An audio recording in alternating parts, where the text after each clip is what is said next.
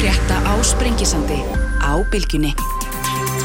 Sæli hlustundu góður, velkomin á Sprengisandin hér í dag. Ég ætla að, fara mjög völd í dag eins og alltaf uh, Vanda Sigurgistóttir sem er nýkjörinn formadur Knastmyndin Sambands Íslands verður hérna hjá mér í lok þáttanins. Þau verða hér hjá mér Þorbjörg Sigurður Gunnarsdóttir og Jón Gunnarsson Alfingis. Menn þar fjallum við um kostningarna niðurstöðu þeirra og þetta, þetta mikla, mikla mál sem að nú eru uppi eftir mistök í talningu í norð-vestur kjördæmi mistök í meðferð kjörgagna og svo framins en landskjörstjórn hefur nú gert eins og sagt er nú svo fallega alvarlegar að tóa semdir við. Nú Freyrik Jónsson verður hér líka, Freyrik er tiltölu nýkjöril formadur bandars háskólumann á BHM uh, aldrastalauðs í sínum skoðunum um hvað blasir við að þessu kjörtíðanbili svona það kemur að vinnumarkaðanum og við ætlum að fara aðeins yfir það en fyrst í gestum minn í dag hins vegar alltaf hann er átti, hann heitir Kristján Gíslason og kalla sér stundum Ringfærin, þetta er maður og Besta aldrei ef ekki að segja það. Sættu blessa Kristján og velkomin til mín. Já, sæl, þakka þér fyrir að bjóða minni. Já, nú lítið og hérna gaman að fá þig og, og hérna þú ert maður á besta aldrei og þú ert hérna fættur 1956 aðra mér Já. og þarna en fyrir svona um það byrju tíu árum þá þá fegstu á flögu höfuð að þú ættir eitt og annað ógert í lífinu og hérna settist á baka á móturhjóli og, og hefur síðan eiginlega farið hringin í kningum hnöttin bara meira að minna eitt hérna maður spyr sér nú bara í upphæðu af hverju? Það er nokkuð góð spurning mm. ég, þetta var árið 2013 þegar ég var 57 ára gammal mm. þá stóði ég á ákveðnum tímamótum hafði selgt fyrirtækið mitt og var laus við alla starfskildur og mér langaði til þess að gera eitthvað í framhald af því sem myndi verða mér eftir minnalegt fyrir lífið Já. líkt og þegar ég fór sem skiptinni með 40 árum áður til bandaríkjana sem var algjört æfintir árs og eh, ég hafði byrjað að fykta við mótuhjólu eitthvað árið áður, 56 ára gammal og það átti vel við mig, með leið vel á mótuhjólunni, fann mig á því. Og fekk þá hugmynd að fara hringin, bauð vini mínu með mér að við myndum fara saman. Og síðan var það, fór bara undirbúningur á stað en það var um áramótin 2013-14 sem hann kom til mín og sagði að hann væri hættur við og þá var ég að annarkvæmt að bara, þú veist, að fara einn eða, eða þá að hætta við. Og þá var það sem að faði minn 89 ára gammal kom til mín og sagði Kristján, aldrei hætta þóra farðu einn, það verður miklu meir upplifun, alls konar opnanir sem verða sem ég gerði í ákvað og hann var minn helsti stuðningsmaður í þessari, þessari þessu ævintýri. Já. Og fólk var náttúrulega mjög hissa á því að ég var að taka upp á þessa á mínum aldri. Og þannig að, að það var gott að finna fyrir stöðningi pappa Já. og ég fyrir lagða að og þessi ferð, ringferð minn, hún tók mig, átti að taka mig, ég er að ráðgerða að taka einhverja 34 mánuði í það, þeir urðu tíu og ég fór 40, um 48 áskilometra í gegnum 35 lönd í 5 heimsálum, uh -huh. en ég slefti Afriku uh. og ég leiti raun og veru svo á að þetta yrði, þú veist, bara þessi ferð vegna þess að konan hafi hleyft mér í þessa ferðina gæsalapa og ég, í framhaldinu kem ég bara heim og er það svona bara hugulegur heimlisfæðir og færi mjög konu sinni á þá staði sem að hanna langaði til uh -huh. En svo skeiði það óvenda að hún fór allt í einu að, fikra sig á mótihjólið með mér og verður farþið hjá mér og við erum búin að ferðast alveg gríðarlega mikið í Sver bandaríkin fylgdum síðan íslenska landslegun í fótbolta til, til uh, Moskvu á HM og, uh, og alltaf saman bara á einu móturhjólinu já, já, alltaf já. saman móturhjólinu og, og svo ferð, ég saði nú í upphafi ég veit nú ekkert hvena ég kem eða hvaða leið ég tek tilbaka frá Rúslandi en hún endaði hún endaði í, í munn hér og þaðan fóru við niður Valkanlundin og Kroatíu og inn í Greikland og þaðan fór, frá Greiklandi fóru yfir til Ísraels og Jórdaníu mm. og þá sagði hún að nú er nóg komið, nú er hitin komin hérna um og yfir 40 gráðunar og hún létt sig hverfa. Uh -huh. En ég held áfram og fór inn í Ekjataland og Sútan og ég var búin að undirbúa þessar ferði og ég, ég undirbýð þessar ferði tölvört vel. Mm. Ég leita eftir upplýsingum á netinu og ég skoða gerfinhattamindir og allt það En ég lendi í óvæntum atbyrði í Sútan þar sem að uh, hafði átt sér staðað stjórnabilding. Uh, Herin hafði steift af stóli einræðis herra til, til 30 ára og almenningur tók uh, ekki vel í það vegna þess að herin alltaf að halda völdum og uh, óskuð eftir því að, að hérna færu fram kostningar. Þessu neytaði herrin og þeir drápu eitthvað tæpa hundra manns í mótmælum mm -hmm. og þetta gerðist akkurat á þenn tíma þegar ég er að koma inn í landið og það lokast bóstaflega. Það eru öll fjarskipti sem eru tekin af, bæði netið og talsambandi, ég gæti ekki látið vita af mér eða slíkt og ekki sendt neitt og það, þannig að þetta var mjög erfiðu tími og sannlega eitt svo erfiðasti sem ég hef upplifað á, á þessum ferðalögum mínum uh. og hef, þó, hef ég þó farið í gegnum ímislegt en uh, til viðbútar við þetta þá er ég sérst á mótihjóli að keira niður þjóðbröytina frá Egiptalandi niður til Kartúm höfuborgarinnar sem eru einhverjar 2000 kilometrar og þetta er eigðumörk, litla sem enga þjónust að hafa. Og í, fjör, í sko ekki 40, í, í 50 steg að hýta 50 steg að hýta, þetta er eins og að vera hæg eldaður inn í einhverjum bakarofni bókstæðlega. Og ertu alltaf í leðurgalla? Nei, Nei, ég er í netgalla oh. en ég var líka að passa mig á því að, að sko það þotnaði allt upp öll öndunafæri tungan, hún, hún festist við gómin á mér á, á nætuna, skiluru Þannig að, að ég hef aldrei á æfinu upplifað annað eins hita sko. Það var, ég er, það er ígjulöst, mér fannst ég að vera bara inn í bakarofni. Oh. Og þannig að, sagt, ég er ekki að reykja, við höfum ekki alla, allan tíma til þess að reykja þetta. Neini. En þetta, ég fjallum þetta í bókminni Já. Andlit Afríku Já, sem ég var að gefa út. Já. Og hérna, en þaðan fer ég yfir til Eh, sagt, eh, að lokum eftir einhverja vikur, þá kemst ég yfir til Þú ert einhverja vikur í Súdan í þessu? Já, já, nei, ég er í nokkra daga þarna en að koma mig síðan tilbaka til Kæró í Egyptalandi fljúa mótihjólunni yfir Sútan til Addis Ababa í Eþjópiu og ég á eftir og bara allt þetta í kringum þetta, þetta tók sittan tíma Já. það er ekki hverjum degi sem menn er að flytja mótihjól með flýjus. Sko. Þú sagði að þú undirbyggir þetta vel en, en þú ert núna í tvígang búin að segja mig frá að þú hafið reynur ekki fyrstlega frá Rúsland ekkert vita hvert þú varst að fara og nú er síðan komið óvænt babi í bátinni og, og hvernig, þú veist Veist, ég hugsaður ekkert þetta er æruninni já sko ég skal alveg viðkjanna það þegar að mótihjölu gaf upp öndinni í Sútan í 50 stegi hitta þá hugsaði ég hvert fjandan er ég að gera hérna. Skilur þú en svo einhvern veginn þegar ég náði bara að anda og verða eðlilugur þá fann ég fyrir þörfin að halda áfram og klára Afríku. Mér langaði til þess já. og sé svo sannlega ekki eftir því. Nei. og þetta er ég ætla að rétt að segja frá því sko vegna þess að það er svo sérstatt mála þegar ég kemur inn til Eþjópíu bara þegar ég legg, þegar ég bara um morgunin þegar ég kem inn, ég tók nætuflýið þá ger stjórnambildingi í, í, Eþjópíu og það er nákvæmlega sama sem gerist þar. Og ég, og ég er ekki að fara nánar út í það en þetta er, þetta er þvílig tilvílun að maður frá Íslandi skulle hafa lendi í þessu í tvígang, hafa lendi í svona svona aðstæðum Það er átt að gefa út viðvörun í Afrika ekki hleypa Kristján Gíslasin inn því þá verður bilding Það var það sem að vinnirni voru að segja. En, en sko síðan sko eftir þetta mm. þá byrjar ævintýrið um Afriku mm. og það verður algjör uppljómun hjá mér að kynnast Afriku á, þann, á þeim með þeim hætti sem ég geri. Ég geri með farum það að fara inn í inn í, í ættflokka byggðir Afríku þar sem að ættirnir og, og, og mannfólki hefur ekki breyst um, sko, þú veist, frá örói aldam að segja. uh -huh, mm. og þetta verður svo sterk upplifun og, og þetta var náttúrulega erfitt fyrir mig um mótuhjóla séð, mótuhjóla lega séð að fara á þessar slóðir allar.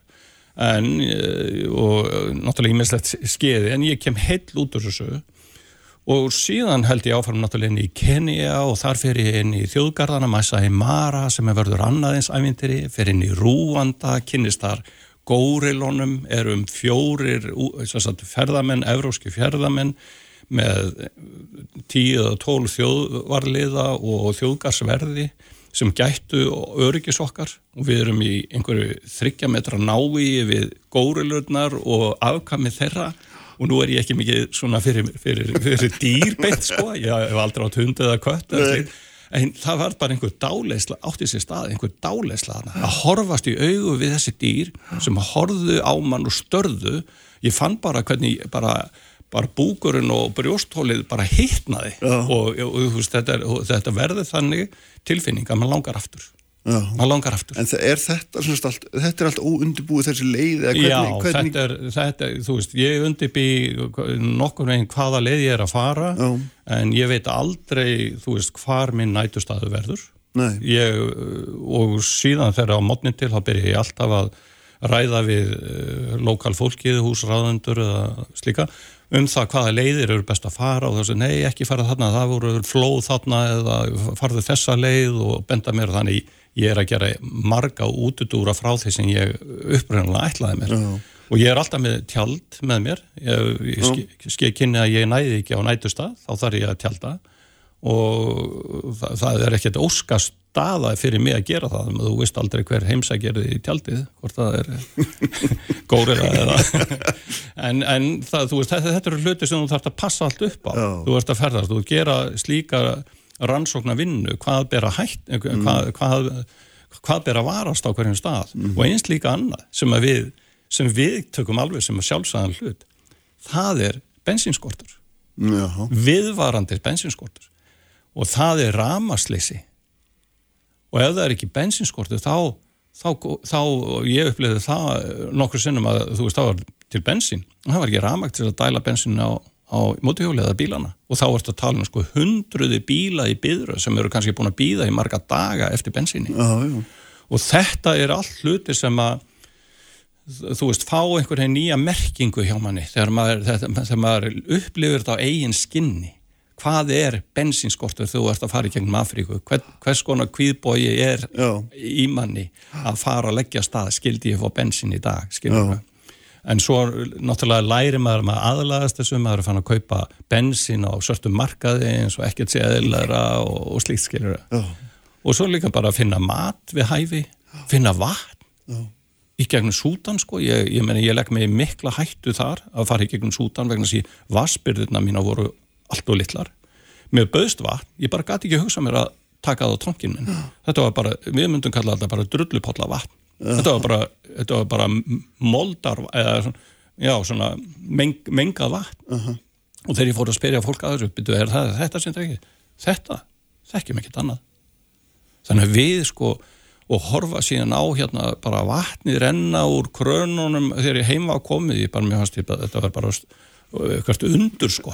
Þú veist, þannig að Já, þetta er Magnús saga en sko það er svona- skemmtilega líka þegar þú ert að lýsa þessu öllum þessum út úr dúru sem þú þarfst að taka og þessum undirbúningi öllu því að, að þú, þú ert sko, ég var að lesa það, þú ert kerfisfræðingur og ert einhvern veginn svona inn í einhverjum sístömu og ert búin að reka tölvufyrirtæki í hérna um ára raðir og menn, þetta er einhverja, þarna er teku lífið einhverja allt, allt aðra Já. stefn út í þessa óvissu, er það ekki? Jú, jú Þetta var reyndar siglinga fiskileta tæki Já, já, sem voru ok, að selja en- en tölvum tölvu en ok, ekki, já, já, já, algjörlega, algjörlega, jú, jú, ég er kerfsfræðingur Já. og ég er mikill kerfsfræðingur ég, ég, þú veist, ég átti stórar Excel skjöl fyrir ferðina það sem ég, þú veist passaði upp á allt saman. En á ákveðnum punkti þá verður að sleppa. Og það er hluti af ferða Var það óþægilegt? sko, nei, málið er það. Það er svo mikil frelsun í því líka og, og, og kona mín, hún er kjærfræðingur líka starfræðikennari til 40 ára. Og, og sko núna þetta er það sem við elskum að fa- fara út í buskan og láta einhvern veginn vindana bara feikja okkur á nýja og nýja slóðir. Og, og aldrei, og með, með henni er ég aldrei búin að við erum aldrei búin að ákvæða hvar við næturgistingastaður næturstaðurinn verður. Nei. við byrjum að huga því svona í eftirmiddaginn að finna út úr því þetta er svo þetta er svo gjör ólíkt annari ferðamennsku og það er mótuhjólið sem er líka svo stór hluti að þessu vegna það veitir manni svo mikið frelsi. Og það, það að vera berskjaldaður einn á mótuhjólið á framandi stöðum verður til þess að fólk kemur til þín. Ef þú ert í bíl eða rútu þá ertu bara ferðamaður. En að mótuhjóli þá er bara fól, fólkið svo forvitið. Það kemur að þér og þannig næ ég svo mikil tengsl við, við fólkið á þeim stöð, stöðum sem ég er að ferðast. Og það er mín næring að vera í þessari, þessu miklum tengslum við fólkið. Og þarna næ ég mínum bestu andlitsmyndum af, af móturhjólum já, mínum sem, að er, sem að ég er að sína núna í þessari bókminni. Já, já, það er náttúrulega, hérna verður að geta þess að þú, þetta er, sem- þú gafst út bókum heimsreysuna og nú að gefa út bókum Afríku, þess Já. sem er sem sagt blanda texta, ljósmyndum og reynda núna líka nýjast, hérna, maður getur kóða sig inn í bókina með þessum QR-kóða gegnum símansinn og séðu vídeo sem þú ert búin að gera, gera líka og svo er þetta búið að dokumentera þetta vel í heimdamindunum og svo sem maður geta séð þetta alltaf en hvernig svona, ég veit ekki mér finnst eitthvað með einn tilvísunum myndi að fara einn á móturhjóli eins og þú nefndir í tíu mánu, er þetta ekki innmannalegt eða er það það ekki eða hvað? Sko, það sem var stæsta áskorunin í þessu ferðalagi fyrir mig, það voru minn eigin fordómar. Já. vegna þess að þegar maður er fordóma fullur þá heldur maður höndun saman og maður er ekki tilbúin til þess að mótaka nýtt maður er bara nextlast og fordóma. En um leiðum maður sleppur því og maður fer að sitja sinni inn í aðstæðar og kynast fólkinu þó þessi skrítið, útlitið eða líkt eða hvað það er, skilur við og taka fólkinu, og móti fólkinu Já. þá finnur fólkið það. Og það er, og það er þá sem að þú ferð að njóta momentsins mm. og ég held að þetta sé eina stóru ástæðum fyrir því að ferðalagi sem átti bara þrýri eða fjóri mánuður, og allir, allar þessar mýtur um hættuna þarna og hérna í Íran sko, ég, ég skalf á beinunum þegar ég kom að landamörum frá Tyrklandin í Íran sko og síðan að sko uppgöta Íran. Þess, þess að dásemdar þjóð. Já. þetta var þýlik leksja fyrir mig og setti þetta aldrei tónin fyrir það sem koma skildi Já, ég hef líka komið til Íran og það er, það er, þetta, er, þetta er allt, allt annað en maður ímynda sér, það er svo sannalari margir staði bara eins og paradís og jörð. Algjörlega algjörlega. Og hvaðan höfum við þetta? Hvaðan höfum við, hvernig er búið prógramar mann? Ég þarf ekki að segja þér það sem, sem bladamanni en, en skilurum maður þarf, að, maður þarf að passa sig á því að, að vera með svo ofin hug þegar maður fer svona ferðalög. Mm og menn, menn er svo sko, fljótar að spyrja sko, þú veist eins og hversu oft varstu, varstu rændur sko? Já. og ég sagði ég var, ein, ég var rændur einu sinni Já, bara einu sinni, já. Það, það, það var sérst, ég áttaði mig á því því þér kom heima og búið að stela hjálparunum við, við hérna sömubústaðið minn. Hérna Íslandi? Hérna Íslandi. Hugsaður, ég, ég fór í gegn með Asju og þú veist, ég læst ekki hljó, hjólunum mínu. Ég dröslast með þetta allt inn í byrjun en síðan bara var ég hættur. Vegna, ég hef bara ekki kynst betra fólki. Nei. Þú veist, muslimir, hindúar, buddistar, hvað þetta heitir allt. Indislegt fólk. Já það var ekki fyrir því að ég kom inn vestrana heim til Ástralju síðan fór að læsa öllu skilur, uh. hraðin var mikill og uh. ógnin uh. þar fann, fann ég fyrir ógninni En þú, svona eftir því sem ég skilst, þá, þá, þá svona, þú, þú reynir svolítið að sneiða frá hjá borgum er það ekki? Er það vilt vera út í sveit og svona á áfarnari slóð? Já, já, sko, þú, ef þú vilt lenda í einhverjum, einhverjum átökum og, og, og slíku þá, þá, þá ferð þú bara niður í miðborgirnar og ferðið bjór og ferðið eitthvað rífa kjættum menn sko. en ég er ekki þar ég vildi bara kynnast fólkinu eins og það var í, í vennulegu fólki Já. og má segja ég hafa verið að koma niður sko Barðardalinn og inn á Skagafjörð og svona til þess að, til þess að bara finna taktin í þjóðfélaginu og, og, og sjá og skinja hvernig fólkið lifiði mm. dagstælega stórborgirnar eru allar meira og minna eins mér smöndi mikil trafík og svo framvegis en, en þarna ég sóttist í þetta og náttúrulega í gegnum Afríku þá var ég að fara slíkar slóðir Já. Oft er það svona þegar maður er að lesa ferðafrásanir frá fólki sem er að ganga eða hjóla eða hvað það er þá, þá myndast einhver svona einhverju einhver áfangastæð þar sem að margir koma saman og svo lappar fólk áfram með einhverju nýju fólki og svona er það, var það algengt eða ertu oftast bara með sjálfið þeirra, hvernig er þetta? Sko það eru mótuhjóla síður sem eru svona ákveðna vörður. Það er segja að þú getur farið á þessa staði, þannig getur fengið góða þjónustu og allt það. Ég forðast þetta allt saman. Ég Já. vildi ekki vera meðar mótuhjóla fólks og kynnast bara mótuhjóla fólki frá öðrum, frá öðrum eh, löndum.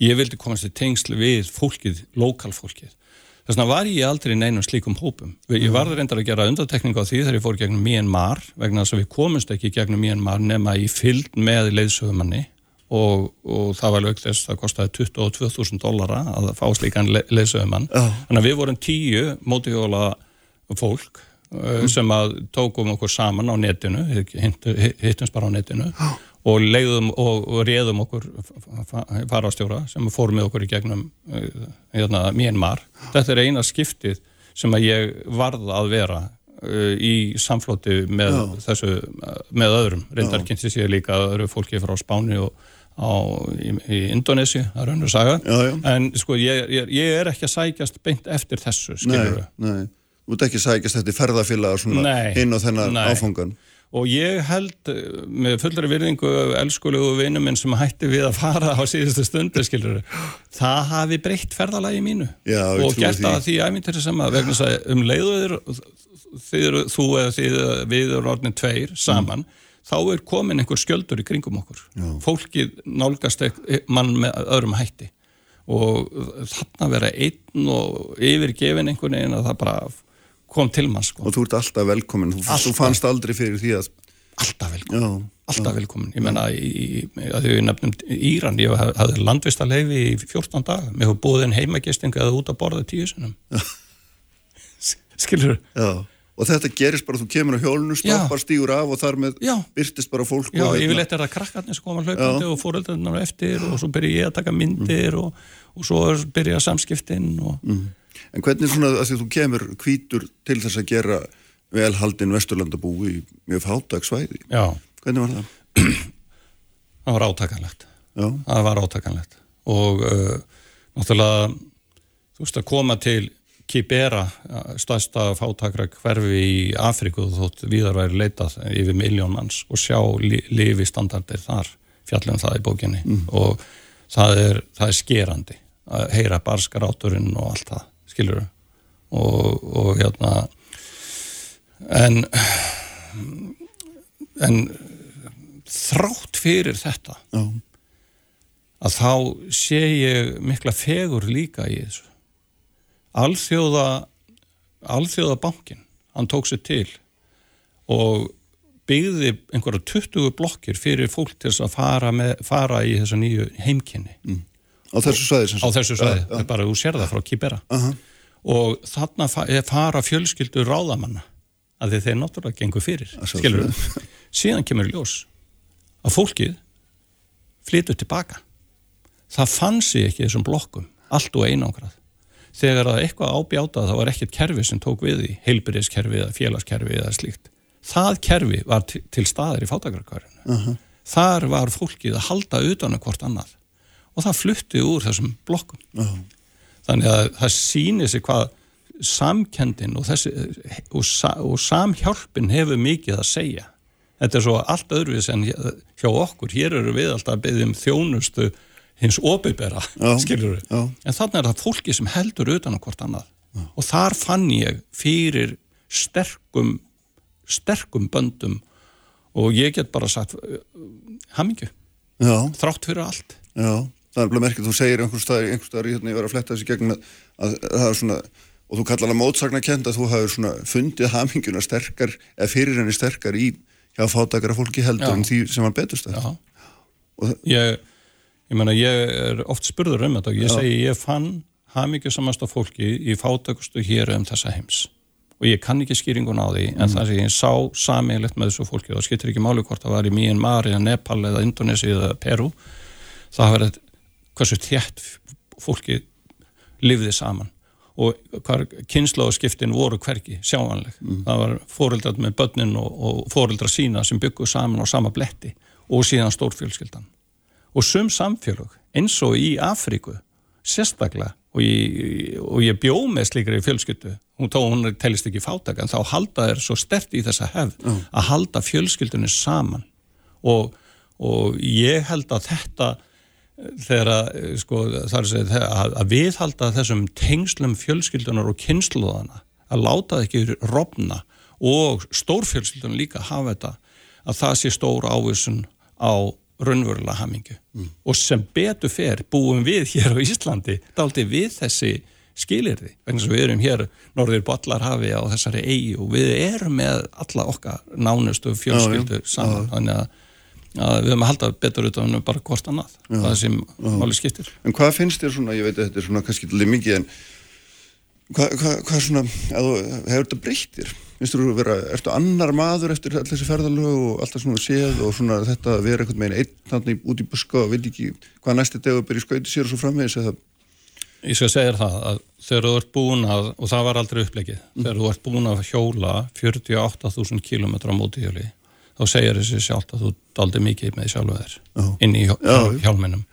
Og það er eitthvað sem á sér stað. Mm. og ég fann það sérstaklega þegar ég var að fara í gegn eðimerkur sem að voru einhverja 6-8 stóra eðimerkur þúsundu kilometra, dag eftir dag var ég að hjóla einn með sjálfum mér steikjandi hita. Og ég bara fann eitthvað gerðist innra með mér. Ég fór bara að hugsa um, veist, bara hugsa um bara mig sem, sem krakka, uppeldis árum mín samskipti mér með fóreldra og sískinni og konan mín og börnin og allt og bara, og, og bara bara, bara heldist yfir mig bara þakklæti.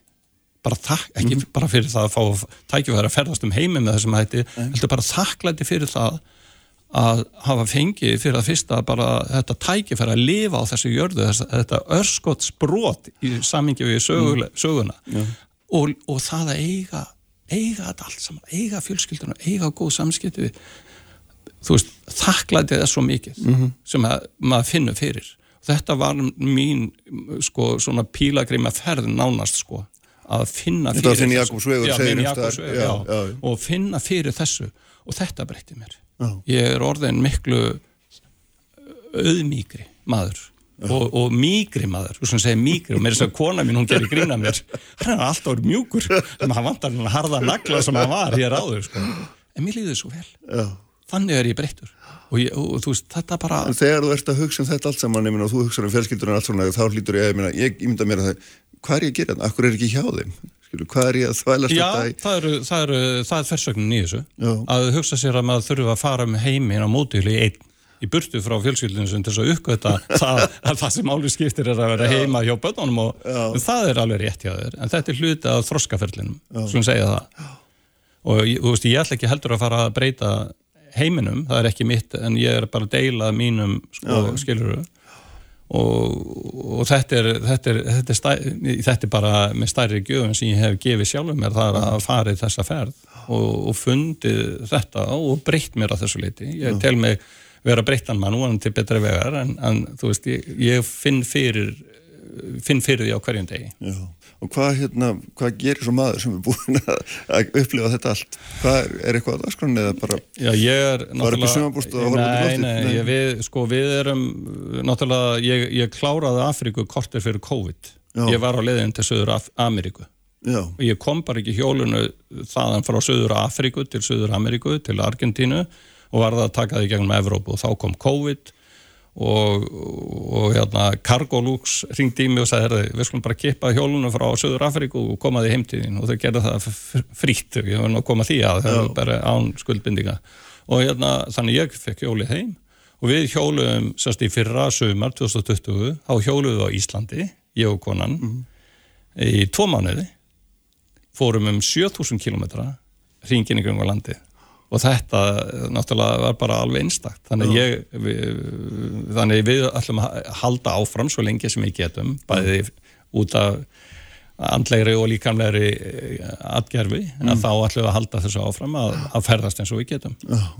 En það er náttúrulega líka svona, hérna, uh, merkilegt er auðvitað, já, þú selur fyrirtækið og, hérna, og þú saði mér það líka þegar við tölum saman fyrst að þú borgar þetta allt sjálfur, þetta er ekki sponsor af neinum eins og allar svona ferðir eru styrtar af einhverjum og svo er það líka, hérna, aðeins, hérna líka nefna það þetta, svo, svo ertu meina ringfara sjóð sem þú stopnar líka Já. sérstaklega til þess að hérna, styrkja fólk sem að Já, lendir í fíknefnavanda Já. og, og notar ágóðan á bókunum og mér skilst þú takir ekki krónu fyrir þessa bæku, heldur rennur þetta allt ángað. Hver einsta krónu, þakka að vera að nefna það Já, það er nú lítið, ég meina, þú ert svo örlótur og það er eiginlega Já, magnað. það, er- sko, ég er bara, var að nefna, var að segja það að ég sé forréttunda pjessi, þú veist, ég hef efna á því að gera það og, og f- forréttindi mín lágu í því að þurfu ekki sponsora þegar ég fór í ferðina. Já. Ég var algjörlega óháður öllum, ég gætt gert hvað sem er á þess að vera að hugsa um einhverja sponsora og það veitti mér alveg gríðalegt frelsi.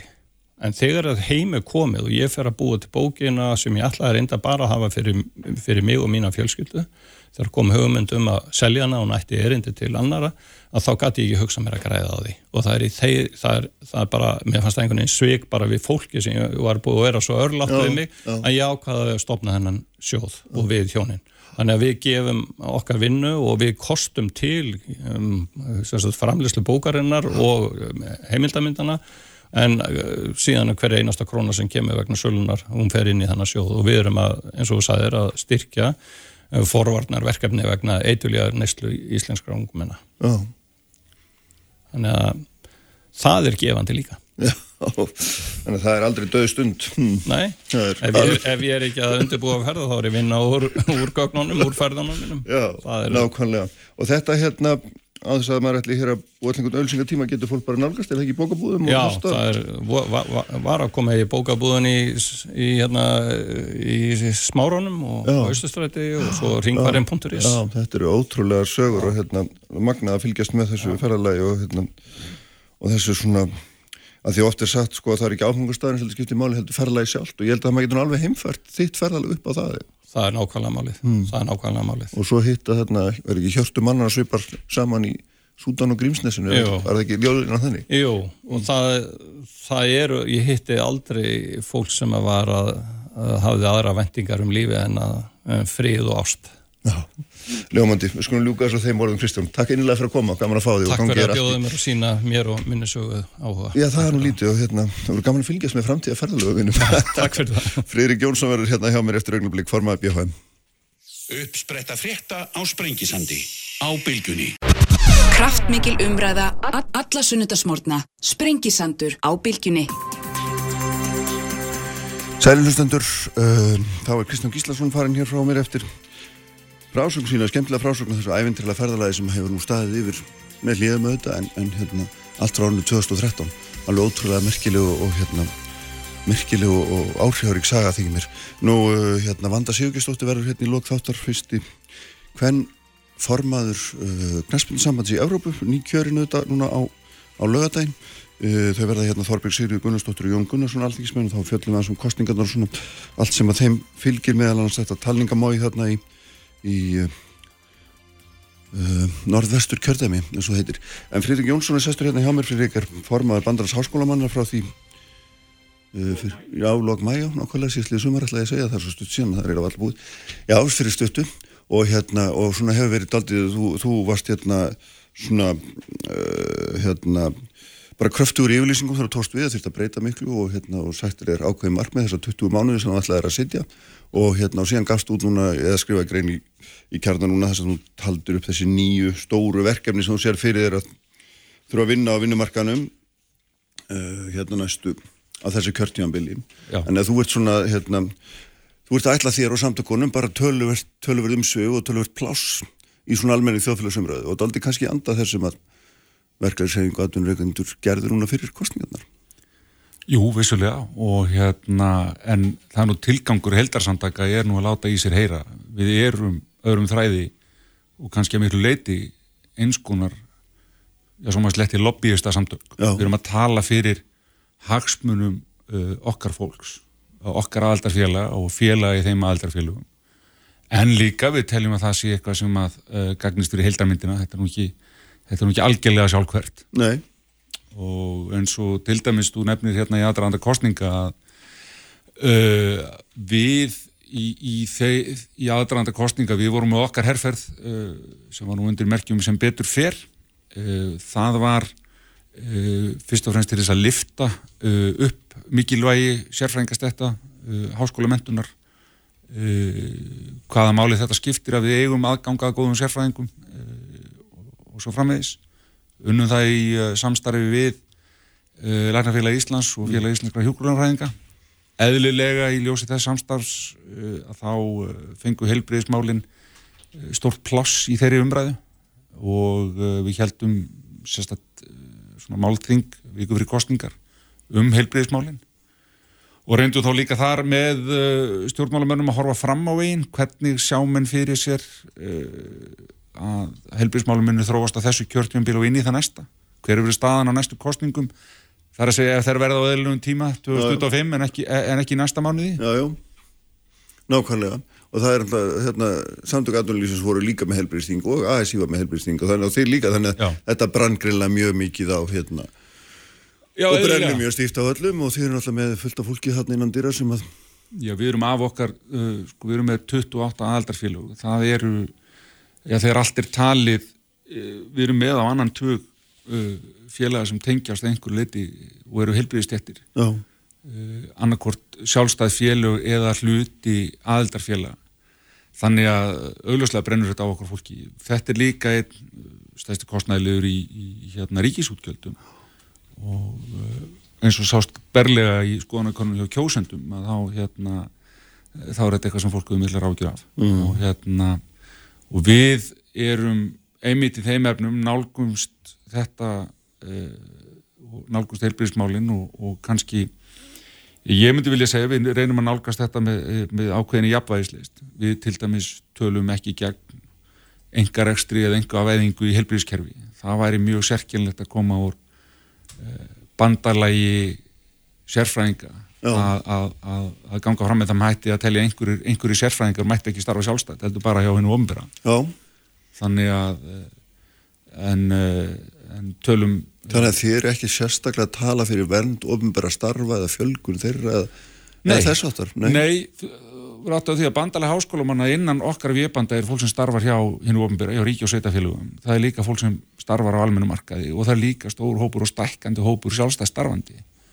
Og ef við eh, ætlum í raun og sann að vera, já, sem að leiki sér aðeins með skamstöðuna BHM, ekki bara bandalega háskólumanna, heldur bandalega hugvits og mentunar, að þá verðum við að horfa uh, svolítið vítt og breytt yfir þann völl sem við erum að starfa og hérna og þá skiptir bara máli og, og þetta er nú eitt af því sem ég vek aðtikla á í greininni að, að hérna, við þurfum að við þurfum að vera í, í sko, við höfum ekki bara verið í átaka sam, sambandi við atvinnureikundi til dæmis höfum þetta í huga innan, innan okkar viðböndar hennilega eru atvinnureikundur uh -huh.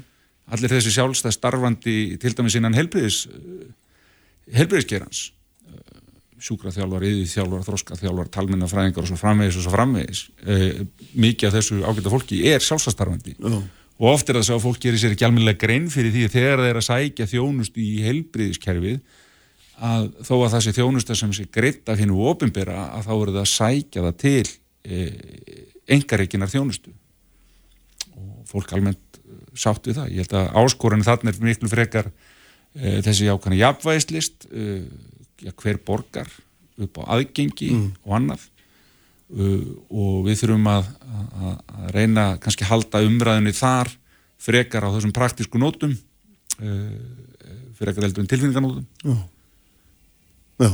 Sko eitt af því og hérna, það sem að þú er alltaf bara fyrsti liður hjá þér sem að er hérna áhugaverður í svona allu samingi er þessi þessi krafa BHM sem er búin að vera lengi í mentum þar að metta til launa Já. og alltaf þegar hún er nefnd þá hérna er spurt á móti við líðið þá auka launabíl á Íslandi er það markmiðið að hérna, hækka launa á hverja hópa en láta þá sem minna hafa sitt eftir því að öðruvísi getur maður vist ekki ekki meti mentun til launa heldur en að hérna, auka launabílið og hverju svariði þessum?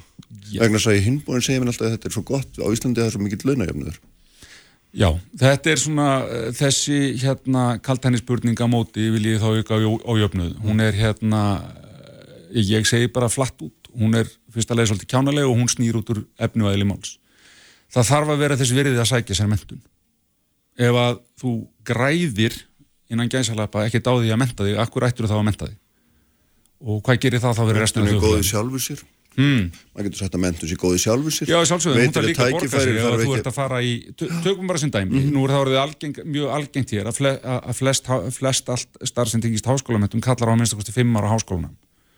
Þú þarft að lifa á þessum fimm árum á einhverju. Þú tekur þá, jafnan hér, þá tekur námslán fyrir þessu, sem eru ekkert sérlega ódýr, þau eru almennt verðtryggð og nú í nýju kerfi með vöxtum. Þú þarft að geta borga þetta tilbaka. Eh, þú ert rukkaður í námslán eitthvað sem nemur, já, jafnaði heilum mánaðalunum einst lengi og, og lánin er eftir. Þannig að þegar þú þarf að ta tala, getum, ég get sagt flatt út, já, ég er fyrir ákveðnum ójöfnið í, í tekjum eftir nám og svo framvís að þú þurft að vinna upp þennan kostnað, þú þurft líka að fá eitthvað fyrir það að verða verðmættari starfsmæður en ef þú horfir til dæmis á breið, lengri tíma og yfir ævitekjur þá jafnast þetta nú svolítið út líka.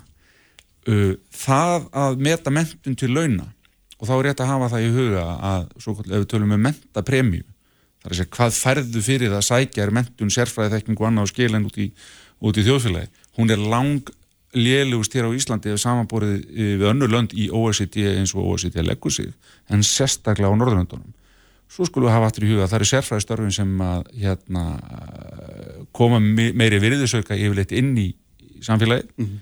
hafa frekar í markveldis áhrif það er með, uh, með aukinni uh, aukinni sérfræðitekningu þá nærðu meiri breytt í hagkerfið og svo framvegis og svo framvegis. Þannig að þetta er nú líka spurningum það að, að, að fólk njóti áastana af erfiðisinu rétt eins og aðrir. Já. og svo er mikilvægt að hafa í huga að samt sem aður eins og þú sagði þá ert að tala fyrir ákveðnum Já, það, að það sé metin mentun til launum það, það er ekkert sem ég skammast minn fyrir og engin nei. ástæði til. Nei. það er bara eðlilegt og sjálfsagt að þegar þú leggur á því til þess að ná í þessa þekkingu sem kemur síðan helstinga tilbaka til landsins og skilar þá einhverju markveld út í samfélagi að þú njótir áastana því. Og ég held að það sé eina stóru áskorunum hjá okkur er það að við gerum ekki nógu vel uh, við okkar sérfræðinga. Við gerum ekki nógu vel í því að, að, að lokka fólk aftur heim. Eða þeir sem sækja hingað heim og vilja ekki að það gera eitthvað að þá eru alls konar hindranir sem að, sem að mæta. Og svo verður að hafa í huga mm. þegar ég talum og við talum um metamentun til launa þá er ekki þar með satt að einhver aðrir eigi að vera vansælir eða eigi að líða fyrir það, eigi að vera illa launaðir. Það er alls ekki þannig.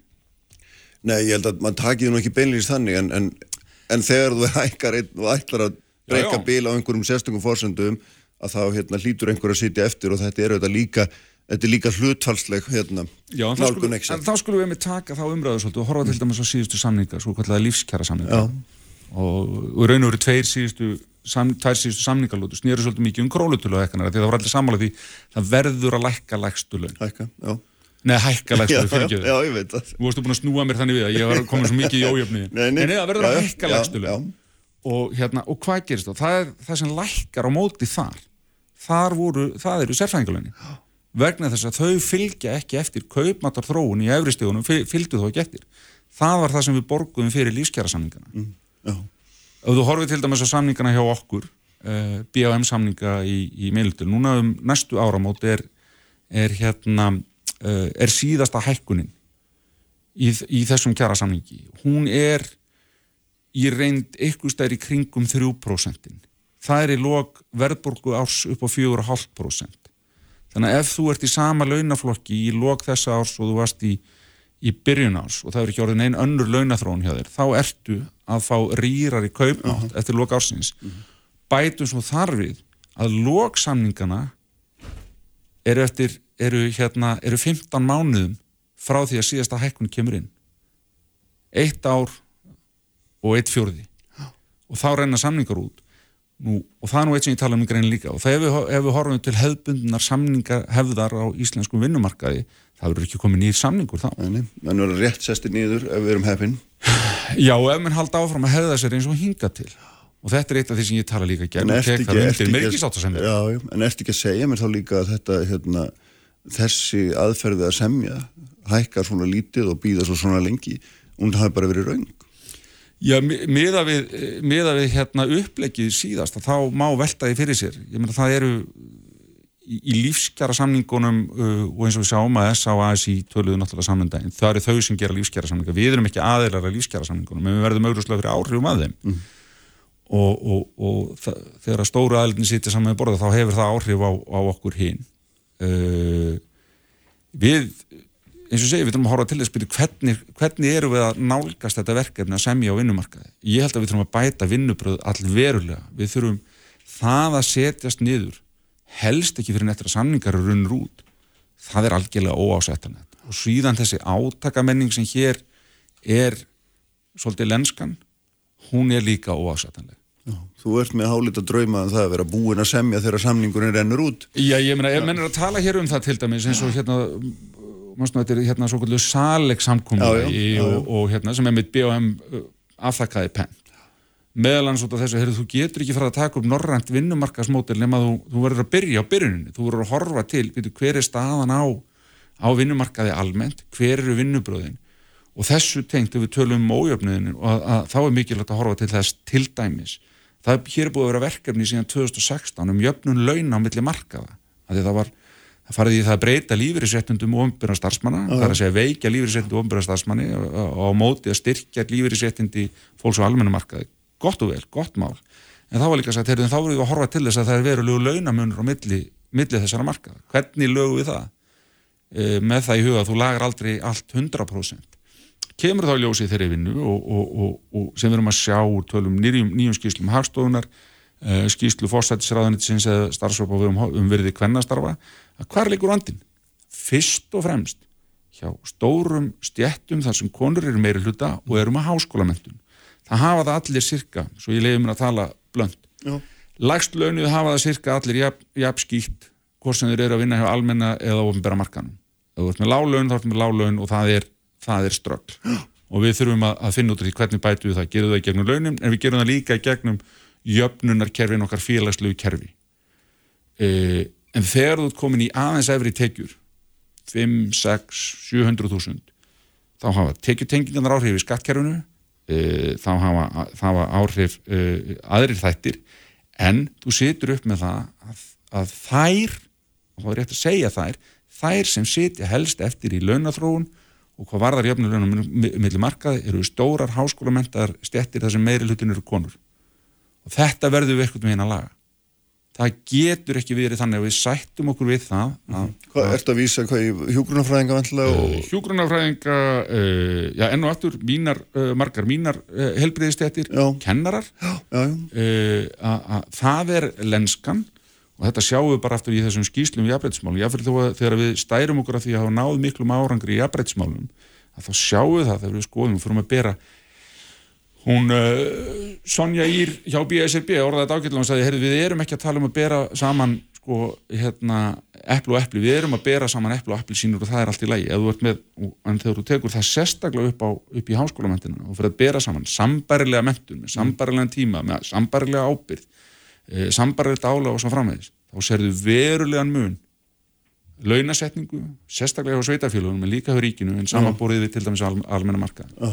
þetta er ekki leið Nei, þetta þarf að, hérna, leiðrætta þá vantla upp á við hjá hennu ofinbera á sveitafélagunum og það hefur nú reynst hérna sannarlega þrautin þingri um framöður orðið þannig ekki Jú, jú, en þá þarf nú sérstaklega þannig að, að hérna, emmitt á, á hérna, almennamarkanum og meðal annars uh, samtök aðtunurreikabla sem tala um það að vera að gæta þess að fara ekki í já, og byrju, en þar bera þeir náttúrulega mest ábyrg.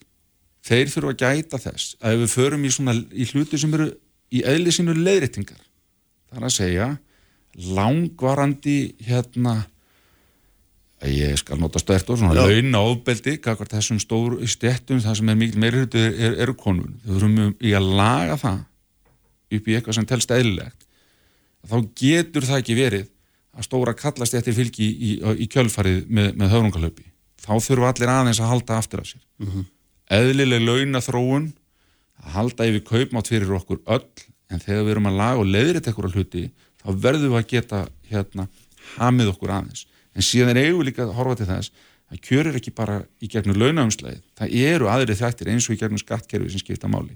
Sjá nú bara eins og hjá ungu fólki, tala um hérna uh, nýbaka barnafólk sem kemst ekki að inn, á, inn, inn, inn í dagast á barnaheimilu og þarf að nota, nota þessi hérna, uh, dagfóröldarkerfi það kostar nú sitt, ég held að henni Reykjavík sitt að komið yfir 90 skall sem það kostar það kallar hvað, 140.000 í brútt og tekjur umfram vellut bara til þess að dekka það. Er þetta ekki eitthvað sem geti haft áhrif líka? já, já, svo getur verið leiguíbúð på 250.000 Jú, jú, sem, sem, sem tekur, sem tekur hérna 50% af laununum mínum en Sælabanki segir mér að ég hef ekki efna á að kaupa nema ég hafi sko, meira fyrir 35% þannig að við þurfum kannski að horfa á þetta líka svolítið heilstætt og annað Já, já, einmitt. Og þetta eru svona, er, er það næst að ramma inn þessa hagsmunni sem þú talar upp og því þurfum við að tala fyrir og ætlaði að gera núna Já. á næstu 20 mánuðum það verður að ófeimið hérna- það. Og eins og sé, þá líka tækla svona spurningar sem verður þá að tala fyrir ójöfniði Já, Nei, en samt. Við erum að tala fyrir réttlæti og sangirni það er kannski aðalatrið já.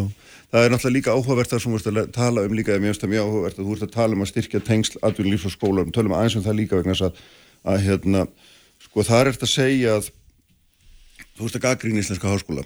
Já. mjög kröftulega fyrir það að þeir séu innbleini bara á hérna, eitthvað mótil það sem eru sem flesti nefnendur en, Mhm. en, en hérna miklu minna á, á getu og framistöðum Ég, ég held að það þurfi eh, sko, að ebla tengsl. Og hérna ættu nú eh, eins og sé, ég hugsa ég nú að vinni mínir í, í SA og samtökum miðunar eins og fleirum, ættu, við ættu nú að geta átt ákveðna samleiði þessu, að tala fyrir betri tengslum atvinnulífs og skóla. Að við e, búum til hvata til þess að fólk fari í nám í því þar sem er skortur. Skilur, ég tala ekki fyrir því að það er að takmarka möguleika að valkosti fólks til náms en það er ekkert óeðlilegt við það að við búum til kvata þar sem að vantar. Samanbyrð til dæmis eins og uh, mentamálar á þeirra gerði hér fyrir á síðasta kjörtmjömbili þegar var búin beinlýnisti kvati til að fjölga fólki í kennarnámi Já, gekk bara mjög vel og, hérna, og hví ekki að gera þetta á, á fleiri stöðum til dæmis hvað varðar náma á raungreina sviðum. Já, þar sem við vitum okkur vanda fólk. Já, já.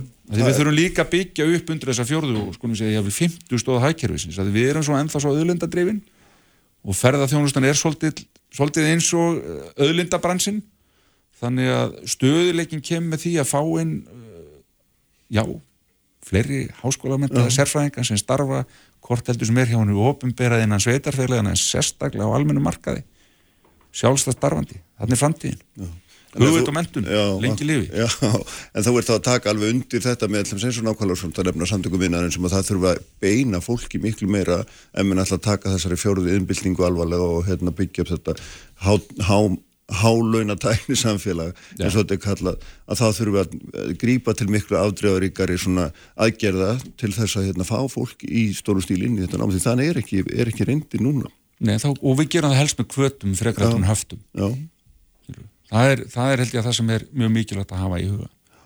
Og, og hérna e, byggja undir tækifærin til þess að, að allir geti lát, látið gott að sé leiða og líka þá kemur afturinn á þetta það sé kvati til þess. E, ég er mikil talsmaður þess að fólk fari til dæmis erlendis og sæki sér mentum, gerði það sjálfur. Mm. e, viki sjóndeldarhingin komi nýjungar og svo framvegis. En þá þarf líka að vera kvati til þess að koma aftur heim. Mm tökum sem dæmi þessi undarlega regla hér að það, þú komist ekki inn í helbriðiskerfið fyrir eftir sex mánuði. Þetta er ef þú flyttur síðan til Danmörkur þetta er heimildar ákvæði í Evrópureglum að, að þú getur, hér ákvæðu að taka þetta allavega strax frá uppæð, þannig að þú þarfst að býða í sex mánuði eftir að komi, komast inn í helbriðiskerfið þetta er ábyrðilega eitthvað sem að hvað sem er íslenskir eða erlendi sérfræðingar horfa til þegar er að velta fyrir sér að flytja til Íslands. Já. Og það er svona, alls konar svona litli hlutir sem að, að hérna, gera það erfiðara fyrir uh, fólk að ákvæða kominga. Ekki er það veðrið sem dreifur okkur aftur heim, við skulum bara vera heiðali með það. Nákvæmlega Sérstaklega ekki í dag. Nei, nei, það er margt annað. Nákvæmlega, en svona, þú hérna sko, nú erum við búin að nýkofni í gegnum kostningabaratu og það er svona verið kannski loka hulleðingin okkar saman hérna, ég meina ég, ég hef svo sem mældi það ekki en með grunar ef ég hefði mælt á aðrir að mentun eins og nú alltaf talað um sem algjöru undistöðu framtíðar var ákala lítið á dagskrá og nánast ekki neitt Nei, og hérna það er það kannski eitt af verkefnum hjá mér líka að tala, mm. tala í mötu vægi mentunar og mikilvægi mentunar og ég ætla bara að lega mér að vera óf, ófeimi við það Já. og þá En fannst þér það ekki rópandi fjárur eða hvað? Veistu það, ég, ég veit ekki þessi kostningabarata var náttúrulega svolítið sérkjænlega því hún var bæði svolítið stutt Já. svolítið COVID-lituð uh, heilbriðismálin í, í, í, í mikilli deglu það eru fullt af hlutum sem ég persónulega og prívat hefði viljað sjá rætt miklu meira þarna en, en hérna. Uh, og það verður aðtilust að sjá hvað gerist núna á næstu vikum og mánuðum. Það er, ef ég mann rétt uh, vini mín hjá kennarasambandinu standið mitt frammi fyrir því að þeirra samningar sko í sveitafélagunum fyrir grunnskóla kennar er renn út núna um áramótin þannig að hérna, þannig að áskoranir er að fara að raðast upp Já. á vinnumarkanum og það er nú kannski líka mín skilabóði þessari grein er það að við verðum að byrja að vinna strax. Við verðum að fara að byrja að undibúa það er ekki neinum í hag. Ekki okkur, ekki stjórnvöldum ekki atvinnureikundum, ekki neinum að eftir ár eitt og halvt ár verði hér all logandi vinnutilum er, það er kannski það sem ég er rættastu við. Af því að það hefur verið þessi lenska byrja seint og ítla með undirbúningum með, með alvöru samtal Ljómandi, við skulum hérna látum svo lokið þessari frómósk Takk fyrir það, takk fyrir búið. Já, takk fyrir að koma fyrir og hérna haldum áfram hérna uh, með þeim Þorbjörg Sigri Gunnarsdóttur og Jóni Gunnarssoni alltingismannum hér eftir öllum líka. Sprengisandur. Á bylgjunni. Frettir þjóðmál og pólitík. Sprengisandur á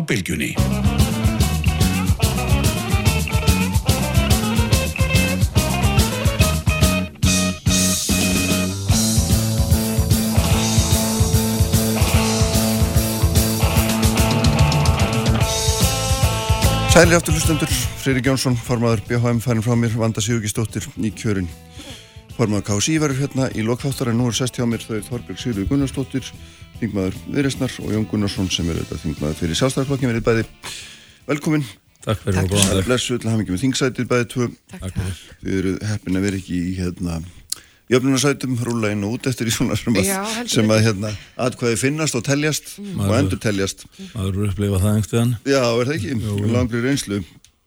Sko, hérna, mér langar aðeins semst, annars vegar að tala um þetta en líka aðeins bara svona hérna, aðeins að halda áfram að ræða sko niðurstöðu kostningana því að, að auðvitað svona í upphafið þá saði maður bara við sjálf að segja að þetta er stjórnin heldur og svona en, en hérna, svo þegar fyrir maður að skoða þetta eins betur og þá er náttúrulega ljóst að, að hérna, sjálfstæðarflokkurinn heldur sínu, hann er langt stæstur en hann er nú bara með 24% atkvæða uh, vinstirgræni tapa þó nokkuð uh, og framsókn vinnur verulega á um, þannig að það er svona, ég veit ekki, myndin er kannski ekki alveg svona hún er ekki alveg svona einföld eins og manni fannst í upphafi, hvað segir þú hérna Þorbjörg að þú byrjar aðeins að skoða þetta frá þínum bæðaturum og fá svo Jón til að gera það líka? Já, ég held að hluta sögurskýninginu sé kannski að ríkistjórnum náttúrulega þráttur að hafa talað um annað var mjög augljóslega að, að manni finnst í kostningabandalegi og það byrtist held ég meðal annars í tólkun þessar úslita það er allt talið er bara um það að ríkistjórnin heldur velli, ríkistjórnin er að styrkja sig og svo framvegis. En síðan stendur auðvitað eftir að þetta eru þráttur allt þrýr stjórnmálaflokkar. Og uh, framsókn er að vinna mjög glæsilegan sigur uh, fitna mjög myndalega mm. um, vinstri græn ekki tapa fylgi uh, umtalsöru fylgi uh, með fórsætsráðura þarna í, í, í forsæti. Uh, og sjálfstæðisflokkurinn uh, eins og segir heldur sínu en er náttúrulega ennþá í einhverjum tölum sem við sáum strax eftir hrun. Þannig að uh, það eru þannig að það eru tveir flokkar af þremur uh, sem eru svona í þessari stöðu og framsókn einn raunverulegur sigurveri þannig að staðan eru auðvitað miklu miklu opnari. Mm.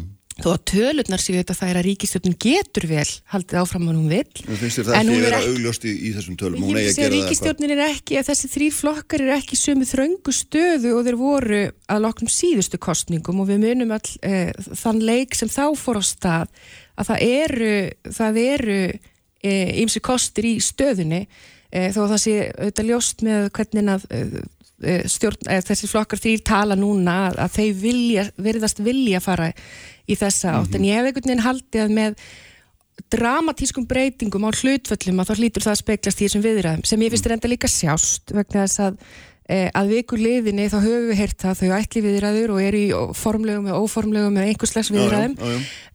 en fram til þess að höfum við ekkert heyrt um álefna áherslur, við höfum ekkert heyrt um pólitíku, við höfum ekkert heyrt um hvað þetta þýðir fyrir næstu fjögur ár, annað en það hva, hvernig munu valda hlutvöllin mögulega breytast. Þau eru að tala um stóla, þau eru að tala um eh, hlutföll en ekki um pólitík. Mhm. Hvað, hérna Jón, sko, þú hefur hérna Þú ert einn af þingmúri sjálfstæðarlósin sem hefur aldrei látið kvína í þér oft á tíðum uh, sérstaklega í garaminsturgætna við tölum nú um virkjunamálinn til dæmis sko. Og hérna, og ég meina kollegin Óli Björn litur nú aldrei skvíni sér út af heilbriðismálum sjálfstæðarlokkurinn getur aldrei saðan farið ríkistjóðna aftur við hérna sem Svandi Sárstóttir verður heilbriðisráþra og vantalega það bara vafki í Ég heilsíð held ég að vera sammála og undir þetta hjá honum. Já, ég ímynda mér það nú Já. En ég meina, þú veist, þetta er minnst þetta áhugaverð spurning sem Þorbjörg er að setja fram Ég Hvaða pólitík er það sem á að ráða núna hérna inn í þetta ferli? Sko, þetta með að sko, það eru margir kallaðir en fáur útvaldir þegar að um er að ræða sigurvegar að einhverju, sko. Og e, þannig eruðu til dæmis agunesingar sigurvegarar í botbaróttinu í mm. Íslandsmeistaramótinu sem var að líða en, en það var bara vikingur sem var Íslandsmeistari, sko. Hér sittir líka og, vikingur. og, og, og hérna hér setur bliki sem var í öðru seti en var að sætta þessu þegar það vikingar eru Íslandsmeistar og þeir voru henni umverulega sigurvegar og þannig eru þetta sjálfstæðisflokkurinn henni umverulega sigurvegar þessara kostninga eins og hann hefur verið reyndar í gegnum ára tugina En mér finnst gott að við erum sammála en vinna bara mjög vel á og ég óska þeim til hamingi með það og, og hérna þeir eru að heimta þarna þetta fylgi sem fór mjög frá þeim í kringum miðflokki Mhm. sem er gerast það sama hjá sjálfstæðisflokknum þegar að, þegar að verist fyrir að skila sér heim. Og og, og hérna Það en fjarlægur en það er alveg rétt það er alveg rétt hjá þér Kristján. Þetta er auðvitað ekki eitt einfalt mál. Uh, auðvitað koma fórustu með þessara flokka sem að mínum að þið hafa nú sínt sko mikinn þroska og, uh, og skinnsemi í þessi fjögur ár.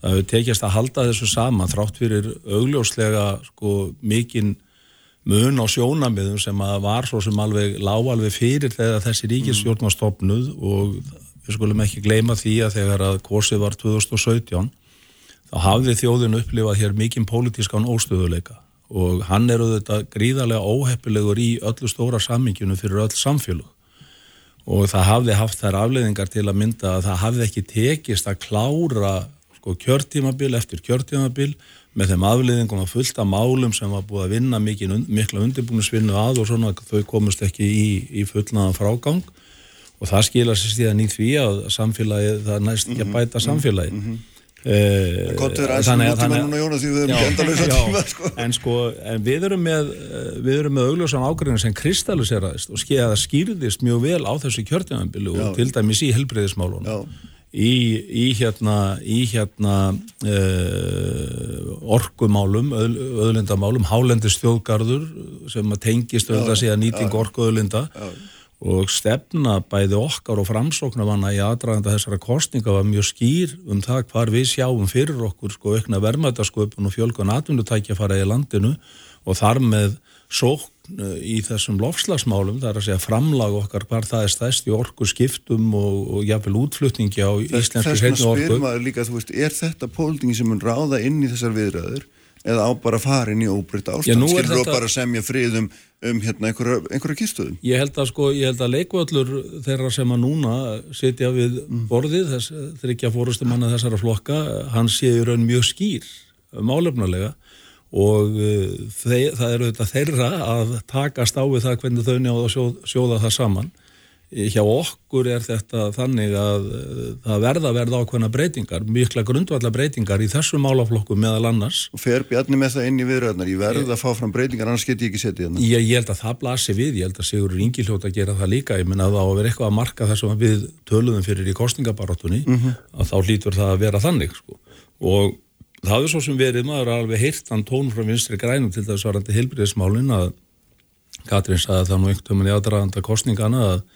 að það að að ráðuniti væri þeim ekki teilagt sko.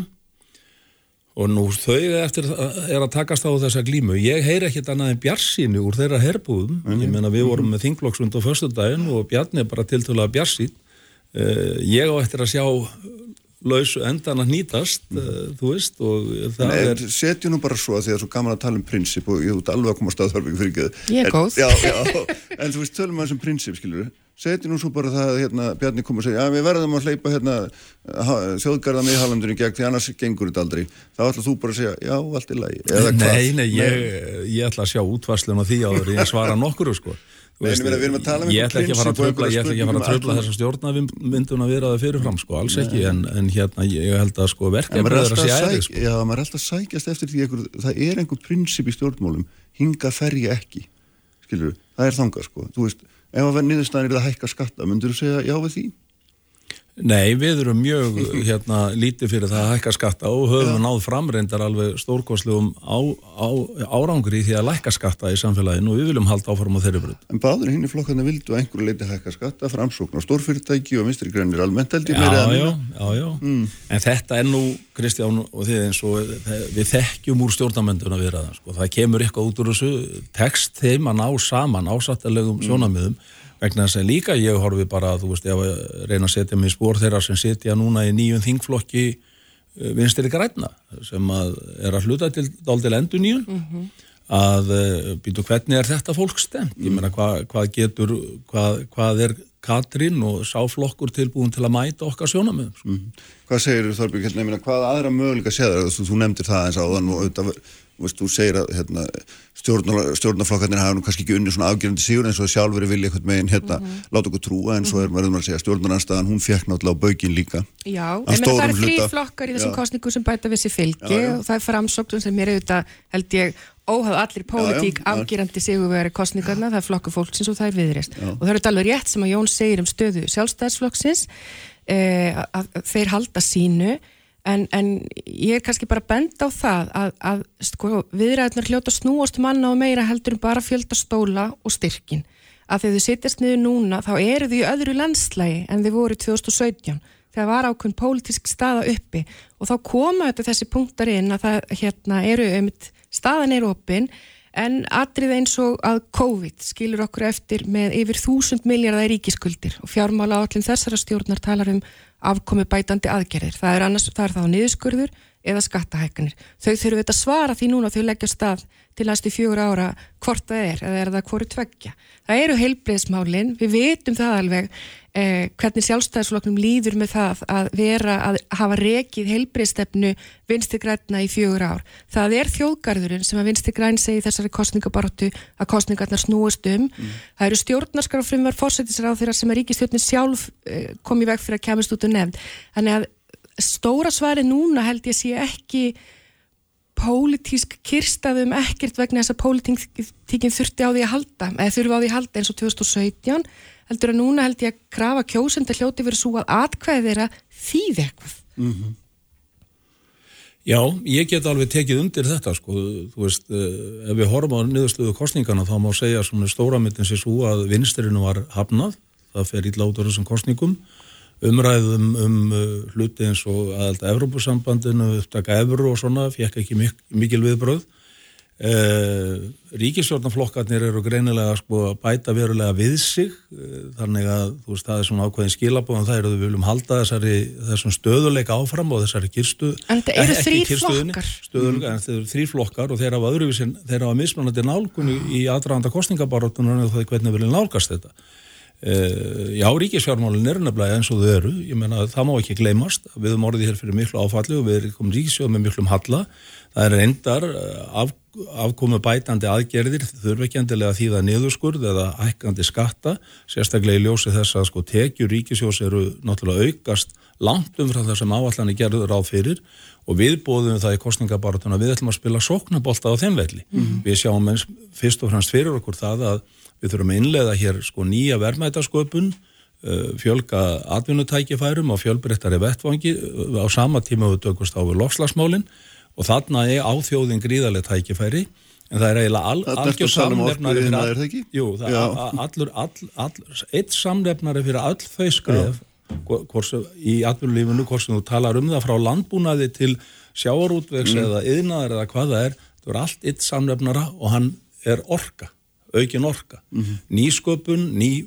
tækifæri, erlendir aðelar sem að koma hér í hverjum einasta mánuðu og leita svara um það hvort þið getur byggt upp hér framtíða rekstur. En er þetta ríkistjórnaminstri sem að mun fara þessa leiðjón? Er þetta ríkistjórnaminstri sem mun fara þessa leið? Það er þetta stór spurningi sko, vegna sem þú sér að vinstri að tapa þeim að hægra vann ekkit heldur að þú setjum miðflokkin hægra meginn með ykkur sem til dæmis þá var hann hærið ekkit heldur sko. Já, það er nú svona, má segja að ríkistjórnaflokkarnir styrkja sig sko. Já, það er eitt lengst til vinstri og annar litlar og það er okkar vandamál sem við það. Er það áhugavert að þeirri talin sem eitt flokkur í dag? Það segir líka sögu. Það er nú samt sem áður að þessi svona sóknabolti sem ég er að tala um, það er að þessi nýju tækifæri og, og byggja upp þennan stöðuleika, far ekki í all þessi útgjaldalofur sem gefum voru. Við bóðum ekki útgjaldalofur, sjálfstæðarslokkurinn í kostningum.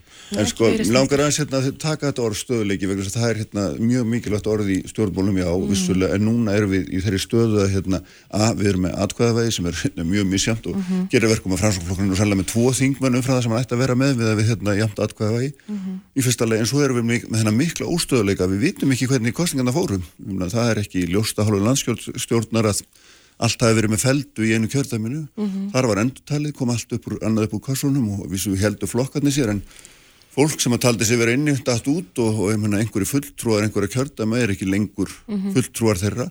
Mena, hvernig, hvað gerum við þessu? Er, er hérna, hvað finnst þið þá um þetta, allt saman? Ég, meni, ég held að þetta séu tveir punktur eins og þú ert að nefna. Það eru þetta annars vegar þetta að núna fernar kostningar í rauð 2013, 16, 17 og aftur í þessum kostningum þá eru við ekki að ná því að uh, þing, þingstyrkur flokka á Íslandi er ekki í samræmi við fylgi. Uh, á þetta hefur lengi verið bent uh, og þetta er ekki lagfært. Ég var í, í hópi þingmanna uh, sem að legði fram breytingatilögu núna þegar kostningalögum voru ágreitt um að fara í það að leiðrætta þetta. Mm. Þetta er breyting sem var felt af hálfu ríkistjórnarflokkana, þryggja og, og af hálfu miðflokksins. Þannig að það er ekki svo að þingið, maður heyrir það, þingið hafi vanrægt, þingið hafi all, all tæki fyrir því að leiðrætta þetta. Það var ekki vilji, pólitískur vilji til þess að fara í það. Um, og, og, og leðritingin gengur auðvitað út af það einfallega fjölga jöfnunarþingsættum um, síðan er að hitt að ég var um til að reyna að lesa þessa bókun frá landskjörstjórninni og reyna svona átt að með á því eh, hvað er þar verið að segja sem að hérna, Kristín Edvald vil ekki segja í viðtölum og vísar alltaf í bókun Uh, og þau tala um það að það sé ekki þeirra hlutverk að hafa afskipti á störfum yfirkjörstjórna. Það sé ekki þeirra hlutverk að gefa fyrirmæli um talningu eða endurtalningu. Það sé, þeim sé skilt að útluta þingsætum á grundvelli þessara skýrsla sem koma frá kjörstjórnunum í, í kjördæmanum. Uh, og það sé ekki þeirra hlutverk samkvæmt lögum að taka afstöðu til hugsanlegra ákalla. Síðan sé það samkvæmt stjórnaskrá hlutverk þingsins að gera það. Mhm. En einhver síður flaggaðu því að þessar skýrslu sem hafi borist frá norðvestur e, séu þannig að þe- þeim hafi ekki tekist að staðfesta það að allt hafi verið e, eins og það á að vera. Og þá finnst mér blasa við að þessi nefnd e, á vegum þingsins þurfa að fara í það e, að skoða einfandlega og kalla eftir fyrir ykkar í gögnum. Þú ert að tala um og undirbúnings kjörbreifa nefnd eða hvað heit. Já, já, en mér finnst þetta meiri segja, hafandi lesið lögfræði fimm ár þar sem ég kann mörg þurr orð, þá ég bara get ekki sagt þetta orð, undirbúningskjörbrífa nefnd kalli einfallega eftir gögnum og þá sérstaklega frá þessu kjördæmi um það að bara reyna að upplýsa málið, reyna að eyða þessari óvissu þetta er óðbóðslega slæm umræða og skadaleg uh, og, og að almenningur sé einhvern veginn dag eftir dag að hlusta á fréttur um það að það séu einhverjir ágallar og síðan hvort uh, og þá með hvaða hætti þeir hafi haft áhrif. Um, en þar finnst mér líka þurfa að hugsa til þess að um, hvað tekur þá við? Og óskandi er auðvitað bara að það takist að upplýsta með þeim hætti að úslit geti uh, staðið uh, að, að, að það komi í ljós það hlýtur að vera óskanniðust að okkur allra að framkantir hafi þrátt fyrir einhver ákvæmlega verið ekki svo mikil að það, það hafi áhrif. Því það er auðvitað líka mjög stór líðræðslegt uh, atriði að fara í það að ætla að kjósa aftur. Uh, því markmið með kjósundum er þetta fólki fái tækifæri til að lýsa yfir vilja sínum Já, já. og segja þá heyrðu ykkar, vilji stendur ekki um, þannig ég, ég kannski bara reyna að- nefna það því maður heyrir svo mikið tal um sko að kjósa í aftur. Uh, náttúrulega ef ágallinir eru þess aðlis og svo alvarleg þá, kann að koma til þess. En það er ekki augljóslega besti kosturinn heldur. Nei, akkurat. Nákvæmlega, það er náttúrulega svona, ég var eh, sko hérna að reyna eitthvað að lesa mér til um þetta svona við annars og það er þetta kannski svona auðvitað hafa orðið verulegir ágallar á kostningum viða og, og miklu meiri heldur en þarna. En einhver staðar standa úrslit, ég meina við getum nú rifið upp góður bús, svo dæmi sínu tekið og úrslitin standa á einhverjum punkti þó að einhverju ágalla sé því annars er þetta ekki hægt því annars er allt í uppnámi og, og í Þýskalandi held ég að sé þannig að það sé hérna, það er að vísa einhver leið í gegnum einhverju dómstóla það tegur svo langa tíma, kjörtíðanbili er sennilega búið þegar að réttlæti næst fram. Ég meina, en þetta er svona einhver spurning sem það maður þarf að spyrja sig.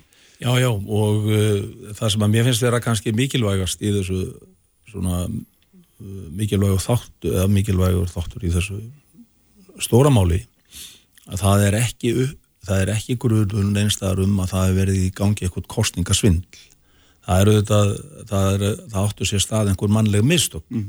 Þau geta alltaf átt sér stað. Og svo tek ég bara undir það sem að Þorbjörg saði, nú er þessi nefnd af störfum og, og hérna hún mun nálgast þetta og vonandi og hún fær öll þessi smáatriði til uh, upplýsingar sem að við höfum í raun ekki voru, einhver, voru sína öryggismyndavilarnar eitthvað og svo framvegist þetta allt saman sem ekki er upp á borðum í dag.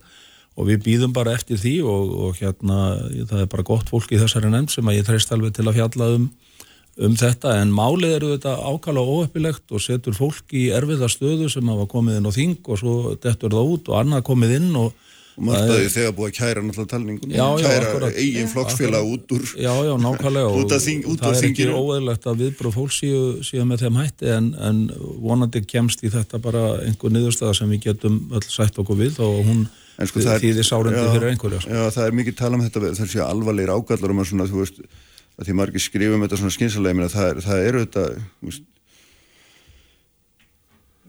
fulltrúar flokka, einhverju fimm fulltrúar flokka sem fólk held að sig verið að kjósa og verið búið að kjósa, þeir eru að hurfa allt inn út og það kom einhver allt annar annars já. þar á landinu sem er ekki fulltrúar míns kjördæmis, að við erum með kjördæmaskipt.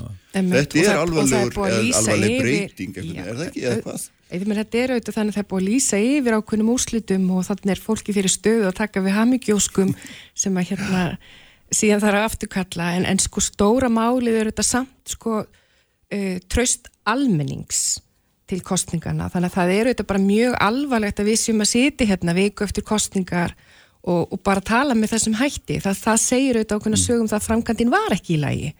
Svar við Ég- því er komið, en það er bara spurning hversu, hversu mikill er, er, er ágallin tek undir mig Jóni, við höfum ekki sér gögnin þetta þarf að upplýsa og þetta verður að fá tíman sinn því það er auðvitað okkur öllum mjög skadilegt ef fólk er skilið eftir með, með þá tilfinningu og í fíljósi finnst mér að eh, kjörstjórnin í þessu kjördami hafi brugðist vegna þess að við eigum ekki að þurfa að sitja og eiga í þessu samtali viku eftir kostningar form er ekki bara form formsins vegna vegna þess að eh, traustið er leiðarljósið í þessu og það er aðeins laskað.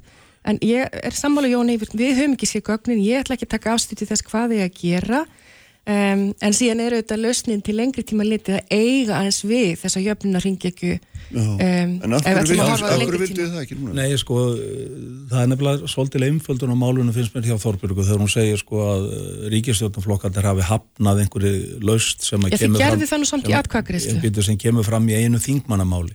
Eh, við höfum alveg talað fyrir því að fara í þessa vinnu. Hún er bara partur af miklu stærra mengi heldur en það að leysa þetta í gegnum eitt þingmannamál Bjarni Benediktsson hefur til að mynda að tala fyrir þeirri nálgun á þessu máli að þegar við förum í að, að því að við erum ekki móti því að jafna atkvæðisréttin í landinu En gegn því? Já sko það er vegna þess að það er svo margt annað sem þarf að líta til Þorbjörg ég veit ekki hvort að þetta er ákveðið reynsluleysi eða, eða sett fram í pólitískum Ekki- tilgangi ekki eða, tala hvaða, hvaða er Æ, ég er ekki að tala neitt niður sko.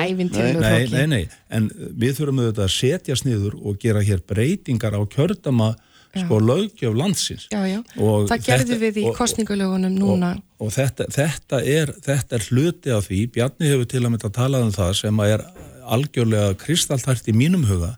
Þessi landsbyðakjördamur er allt og stór. Eh, nálgun íbúana er eh, alls ekki nægilega mikil við þingmennina, þetta er allt og mikil yfirferð fyrir þingmennina.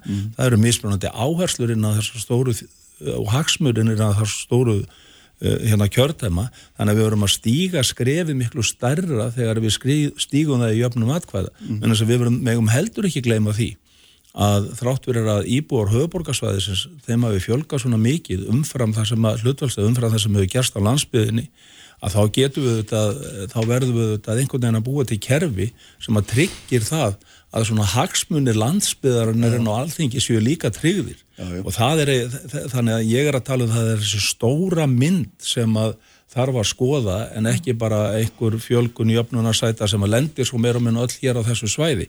Eh, en, og það er hægt að gera þetta til að mynda í tengslum við það að minka kjördamin og, og að sem við nálgast á erum, þessar erum við jöfnun. ekki til til að nýbúna breyta þeim úr Mm. En nú 8 í 6 fór, fara, fór fram uh, eða svona nokkuð Já, það Það var verið Já, já, að það var verið að samþykja nýju kostningalög í, al- á alþingi bara í vor. Uh, mikil vinna hálfu allra flokka og þetta var mál sem var inn í stjórnskipunem þar sem ég sitt uh, bara mjög, þetta er, þetta er heildar uh, endurskoðun. Um, þannig að það var auðvitað algjörlega borðleggjandi að það, það væri hérna, leiðin til þess að fara inn í þetta og að því Jón talar um heldarmynd þá er ég algjörlega sammála því vegna þess að stjórnarskráin okkar sjálf stjórnarskráin sem er mjög aðeins allra réttar heimilda gerir ráð fyrir því að, þingstyrkur flokka sé í, í, í samræmi við fylgi. Og það er sé, sé, sé síðan þannig að það er í egnum kostningalögin að útfæra það. Og nú vorum við að samþykja kostningalög það var leiðin til þess.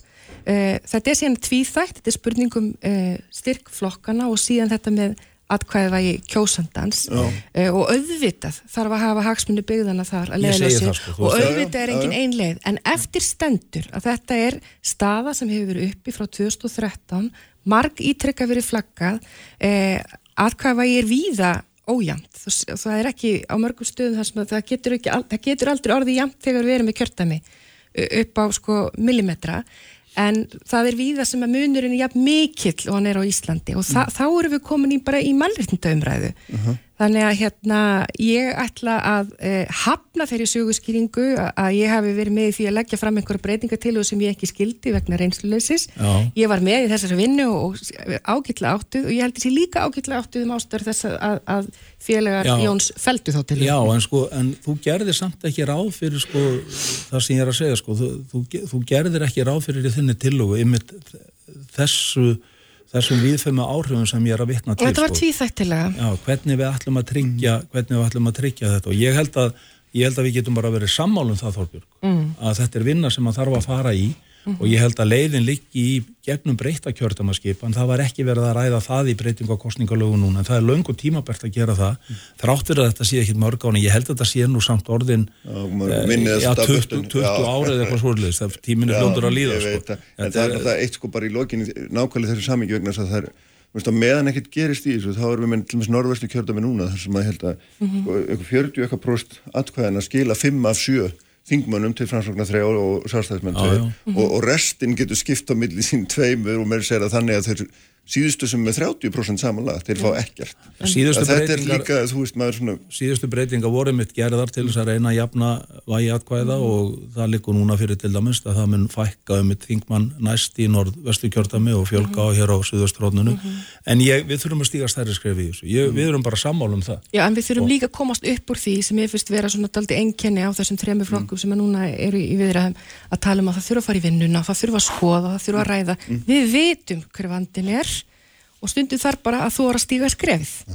Já, og þetta er ekki spurning um það að við þórum ekki að stíga þetta skref, sko, þetta er bara spurning um það að þarf að fara í þessa heldamind og ég held að hluti af því að þessi vinna hafi kannski ekki farið í eins og margt annað, sko, sem að hefur setið á hakanum hjá okkur, það er þessi pólitíski óstöðuleiki sem ég var að vitna til áðan, við komum með eitt kjörtímabil núna, þar sem að verkefnin eru mjög mörg, við lendum í COVID ástandi í nánast helmingunum á kjörtímabilinu, hafðu þetta sín áhrif þannig að vonandi eru við komin inn í einhver pólitískan stöðuleika þannig að, að því að þetta mun þarf að taka góðan tíma í þá reyna að ná vítækri sátt um mm -hmm. það pólitíst verðt á flokka að leysa þetta alveg eins og í stjórnarskrármálum. Já, nákvæmlega og hérna þegar þú tala um þetta stjórnarskrármálu og vítækri sátt þá segi ég það gerist aldrei neitt.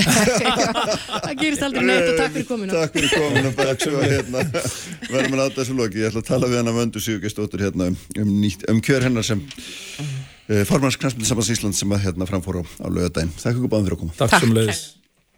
Sprengisandur. Alla sunnudaga á bylgjunni. Hér alla daga. Bylgja. Sprengisandur. Alla sunnudaga á bylgjunni.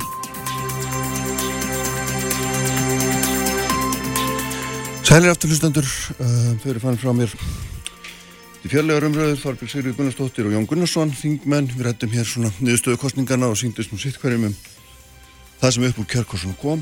Og svo rættum við hér aðeins líka um eða töluvert auðvitað um þetta mói allt sem að hérna afsækja orðbreið um, um hérna þetta mói allt í talningunni í norðvestu kjördæmi og það er nú svo skemmtilegt að segja frá því að næstu viðmaldi minn er nú norðvestu kjördæmi það vanda Sigurgistóttir frá Söðokröki Sæl og blessuð og velkomin. Takk alveg fyrir nýkjörinn farmaður Knæsmyndir Samvæls Íslands. Mm -hmm. og fyrsta konan í Evrópu sem er skilst að leiði svona hérna sérsamband eins og þetta. Já.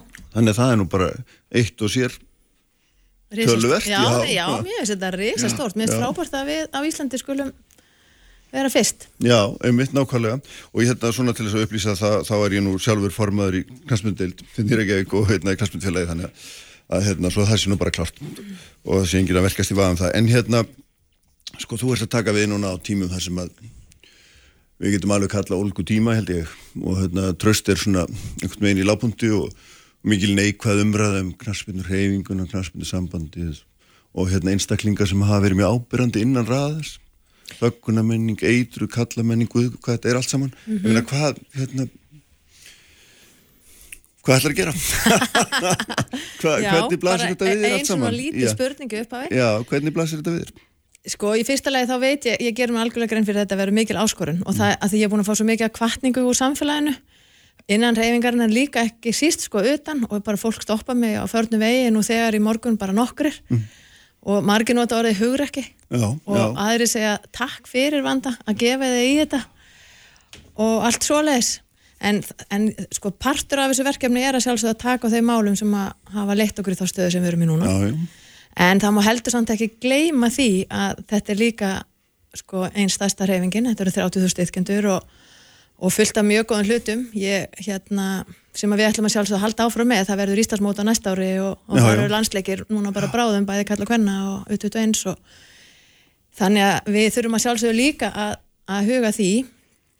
Þannig að ég segi alltaf að það er svona tvent sem ég ætla að gera. Ég ætla annars vegar að fara í þessari, þessu erfið mál mm. að festu og það er alveg á hreinu. Og ég er náttúrulega bara að sagja það í ræðunum minni í gær og, og segja það bara hvert sem ég fer, við ætlum að gera það. Mm. e, en hinum megin er síðan kannski þessi svona hefðbundnu sem að aðrir formenn undan mér hafa kannski einungist þurft að klast við. Getur sagt að þannig. Já, já, akkurat. En hva, hvað þýðir þetta orðalega að fara í þessi mála festung? Mjög margir sem forvitnir að vita hvað, hvað á að gera, þarf að Já, gera ef eitthvað skilur um. Já, í fyrsta lagi vil ég rósa fráfærandi stjórn vegna þess að þetta var mikill hérna, öldugangur hjá þeim og, og þetta var erfitt fyrir mörg þeirra vegna þess að þau voru mörg þeirra búin að og bara öllarni í þessari stjórn búin að gefa endalösa sálbúðavinnu fyrir þessi samtök og svona, þannig að þetta var erfitt. En eiga síðan þá setja þau á stað ymsa vinnu í þessum málum og þannig að ég ætla ekkert að að koma einhvern veginn svona kjölv, hérna varpa því einhvern veginn um mm. koll heldur bara að halda áfram. Og ISI, Íþórta Olbjörnsamband Íslands er partur af þeirri vinnu þannig að það er bara að halda þeirri vinnu áfram sem það er, eru nefndir í gangi til dæmis nefnd sem að Kolbrún Hrund Þorstestóttir er að leiða sem að er svona að, að fara yfir hvernig ætlum að gera þetta í framtíðinni í, Þá ertu að tala um hvernig á að taka á Já. einhverjum svona málu sem eru Já. tilkynnt til sambandsins um eitthvað Já. skona ábeldið eitthvað slíkt eða já, hvað? já, nákvæmlega og hérna um, 2020 þá hófst, hófst hérna störf samskiptaráðgjafi íþórta og æskulistarfs sem að hérna er bara frábært og ég er ótrúlega ána með það. Og það er náttúrulega þanga sem íþórtarhefingin á að vísa sínum málum og það er líka hægt að það þarf ekkert endur að fara í gegnum sérsamböndi eða félag og það er líka hægt að fara bara inn á síðu samskiptaráðgjafans og vísa málum beint. Um, þannig að en það sem ég meina í raunin er að þetta þarf bara að vera algjörlega á hreinu því það er það ekki núna hvernig þessi vinnubröð ætla að vera vegna þess að ef þetta er óljóst eða ekki nógu gott þá held ég að þólendur þeir er verða smekir við að koma til okkar. Og öll svona einmitt einhver svona þöggun það, hún gengur að sjálfsögðu ekki. Og við þurfum bara að vera með mjög hreinar línur. Og það er svo erfitt að segja þetta orð einhvern veginn í daginn, það er samt að segja það því að þetta er gott orð, ferli. Þannig að við þurfum að hafa, að hafa það. Þannig að ég líti á sagt, annars vegar er þessi fótboltalið og hins vegar er það þetta. Við verðum að koma skikk á þetta.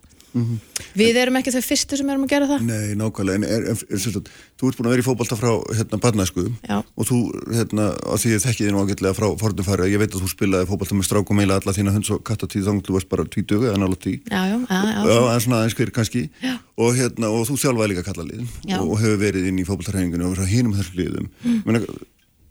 Þegar að hérna, fólk út í bæ heyri þessi orð, eitru kalla menning þöggunar menning og eitthvað svona mm. er þetta bara eitthvað sem er bara svona og þarf að laga eða er þetta, hefur þú upplifað þetta? Myndur þú segja að þú þekktir þetta sem svona eitthvað svona stemningu í fótboltanum? sko ne, ekki úr kvennaklefunum Nei, og ekki heldur ég var að þjálfa næsta frá Hofsási nei. En ég er náttúrulega búin að vera að berja, berast í jafnbrytismálum allan enn tíma og það er alls konar. Ég kom eins og fyrir mörgum ára síðan á fundi og ég sí og við sátum tvær konu við borð og svo kom kallabandinn og hann horfði á okkur og sagði svo, hvað, er enginn kominn? Þannig að við tökum bara eitt svona lítið dæmi. Já, já. og í gamla daga þá vorum við í búningum alltaf stórum á okkur því það var bara passa, passa og kalla, panta og kallalið. Þannig að ég er náttúrulega mann tíman að tvenna en við erum ekkert þar í dag. Það er náttúrulega búin að bæta þetta mjög mikið hjá KSI en mér finnst samt sem áður að, að þetta er svona partur af því sem við þurfum að gera ennþá betur. En hérna en það sem ég hef aftur á móti rekist á að því að í minni vinnu e, út í út í samfélaginu, að því ég vinn mikið í alls konar samskiptavanda, einheltsmálum, erfiðum málum og svona, að ég hef rekist á vandamál og sparkvöllum landsins í fríminutum og það er bara, er alls konar að gerast, oft ljótt orðbræð og stundum ofbeldi og eitthvað svona. Þannig að þetta sem að ég vil meðal annars ráðast á. Ég vil fara í samstarfi fræðstöfuvöld og, og fara, koma bara með fræðslu og alls konar hluti inn snemma, að því rannsóknir sína að því fyrir sem við byrjum með forvarnir því betra. Þannig að að ég hef ekki upplifað þetta, þetta persónulega að því ég hef ekki verið í þessum klefum. En, en við vitum það náttúrulega bara ef við skoðum söguna. Ég er til dæmis fyrsta konan síðan 1947 og, Jú, jú, en- já, já, já, já. Veist, þetta er náttúrulega einmir af þessu hvernig landsliðið var lagt niður þegar ég var á hátindi míns ferils og svona. Þa, þannig að hérna en ég ætla ekki að fyllir það neitt um ég, bet, við, ég held við verðum bara að skoða þetta. Ég held mér þess að það sé að rannsóknar var í gang. Uh, en aðalega þá hef ég mjög mikið áhuga á að, að hérna að fræða og fræða og fræða og, og við erum öll í því sko, þetta er ekki hvorki bara ég ein eða knastbyndur ein, margt af þessu sem við erum að tala um er líka bara En er þetta, er þetta fyrst og fremst, snýst þetta fyrst og fremst um einhvers konar jafnstöðu kynjana?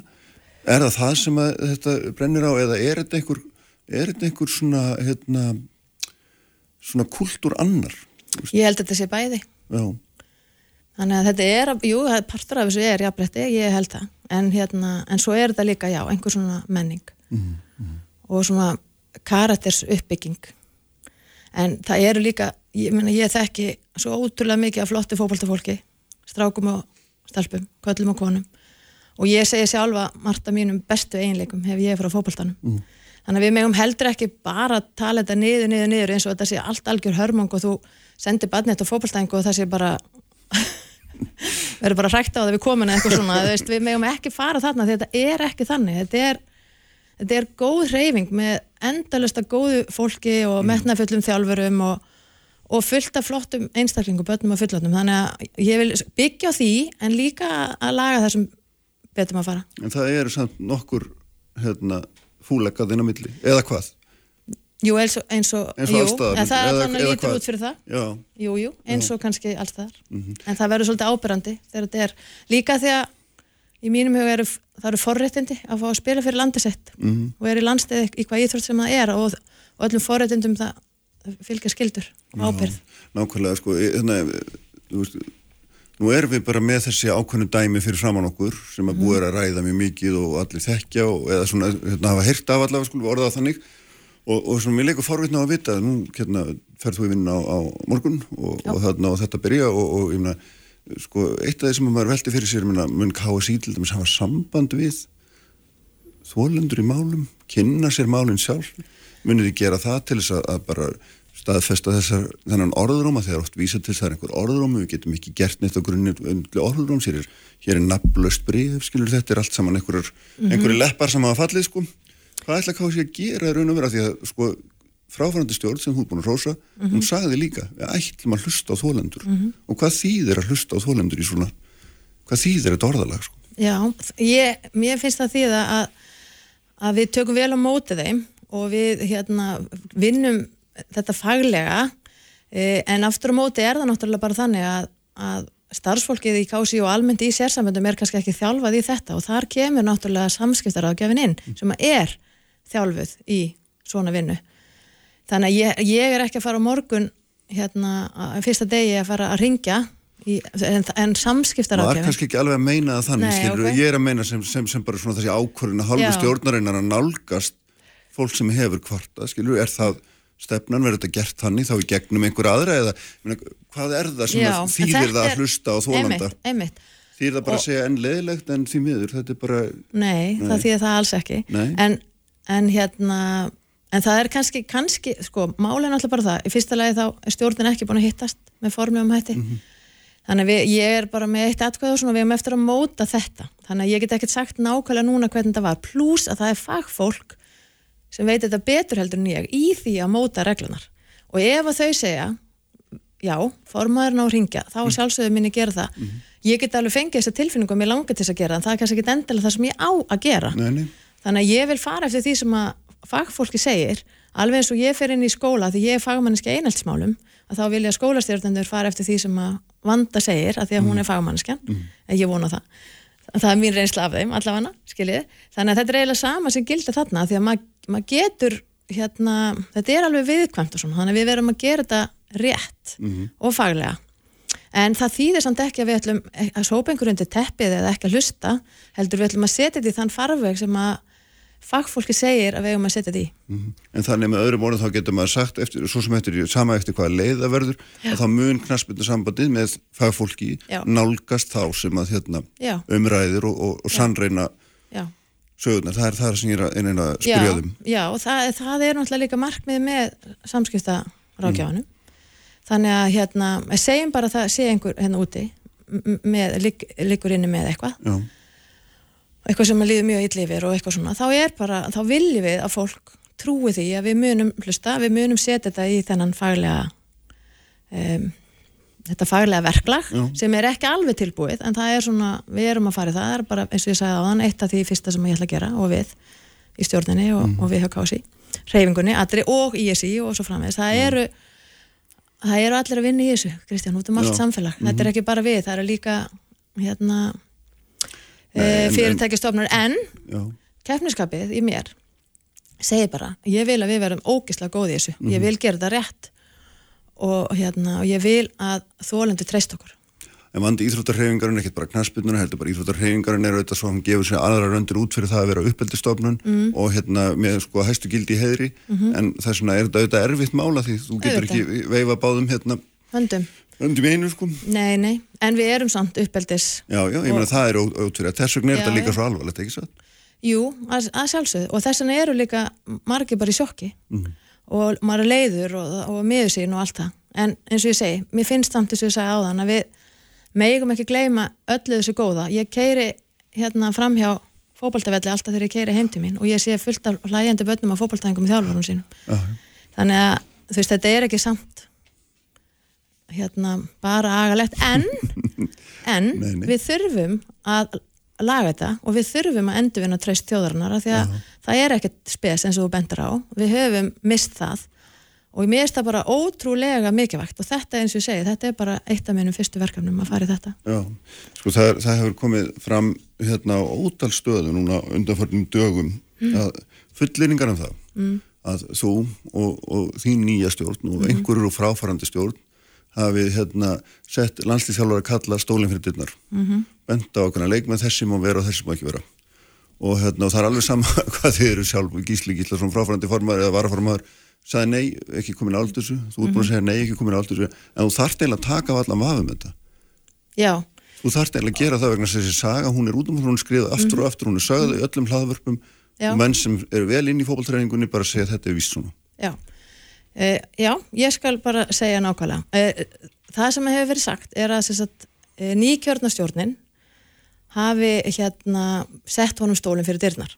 Það er ekki rétt vegna þess að nýkjörnastjórnin er ekki búin að hittast formlega. Við hittumst í gær í fyrsta skipti óformlega fyrir þingið þess þið hafið aldrei talað saman um þetta mál sem með öðrum málum, ertu að segja mér það? sagt, þegar þessar fulleringar koma þá höfðum við það ekki. Við myndust aðeins á þetta í gær þegar ég var að hitta þau í fyrsta skipti en þetta var óformlega fundur en engar ákvarðanir teknar og þegar þessi ákvarðanir tekinum að velja lið þá hefði þessi stjórn aldrei hist og ég hefði lappað fram hjá hluta þeirra út á götu en þess að ég þekkti þau ekki. Þetta er ný stjórn, þetta er allt að gera stratt svima þekki ég, svima þekki ég ekki. Þess vegna vildi ég hitta þau í, í germorgun til þess að lappa ekki inn á þingkási og viti ekki hverju var að fara að bjóða sér fram í stjórn.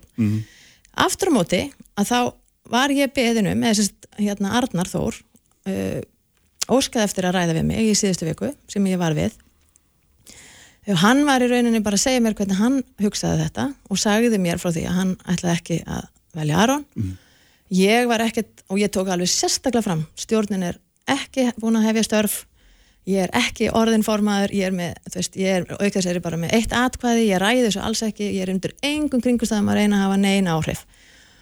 Og það var sama með fyrir stjórn, þau hafa sagt það sjálf og ég held að sé búið að ringi nánast alla fyrir stjórnamenn, en var með sagt og þeir hafa allir sagt að þeir hafa ekki haft áhrif þannig að það var enginn sem að var að hafa áhrif á hann, hann aftur á móti hérna e, vildi ræða þetta við mig og heyra e, en já, bara tíu fingur upp til guðs við minningum mömmu minnar og, og pappa ég var ekki að hafa áhrif á sett honum ekki stóli fyrir dittnar e, hann útskýrði hvernig hann sá þetta og, og sína ákvarðun þar situr það já, það, og fólk þarf svona alltaf að gera það bara upp fyrir sig hvort það trúur þessu ekki. En Gísli er búin að segja þetta, ég er búin að segja þetta Arnar er búin að segja þetta. Við vorum ekki að hafa áhrif á hann, hann auk þess er, ég er þeirra skoðunar almennt að, sem fyrirvændi þjálfari. Að landsinsþjálfari á að velja sitt lið.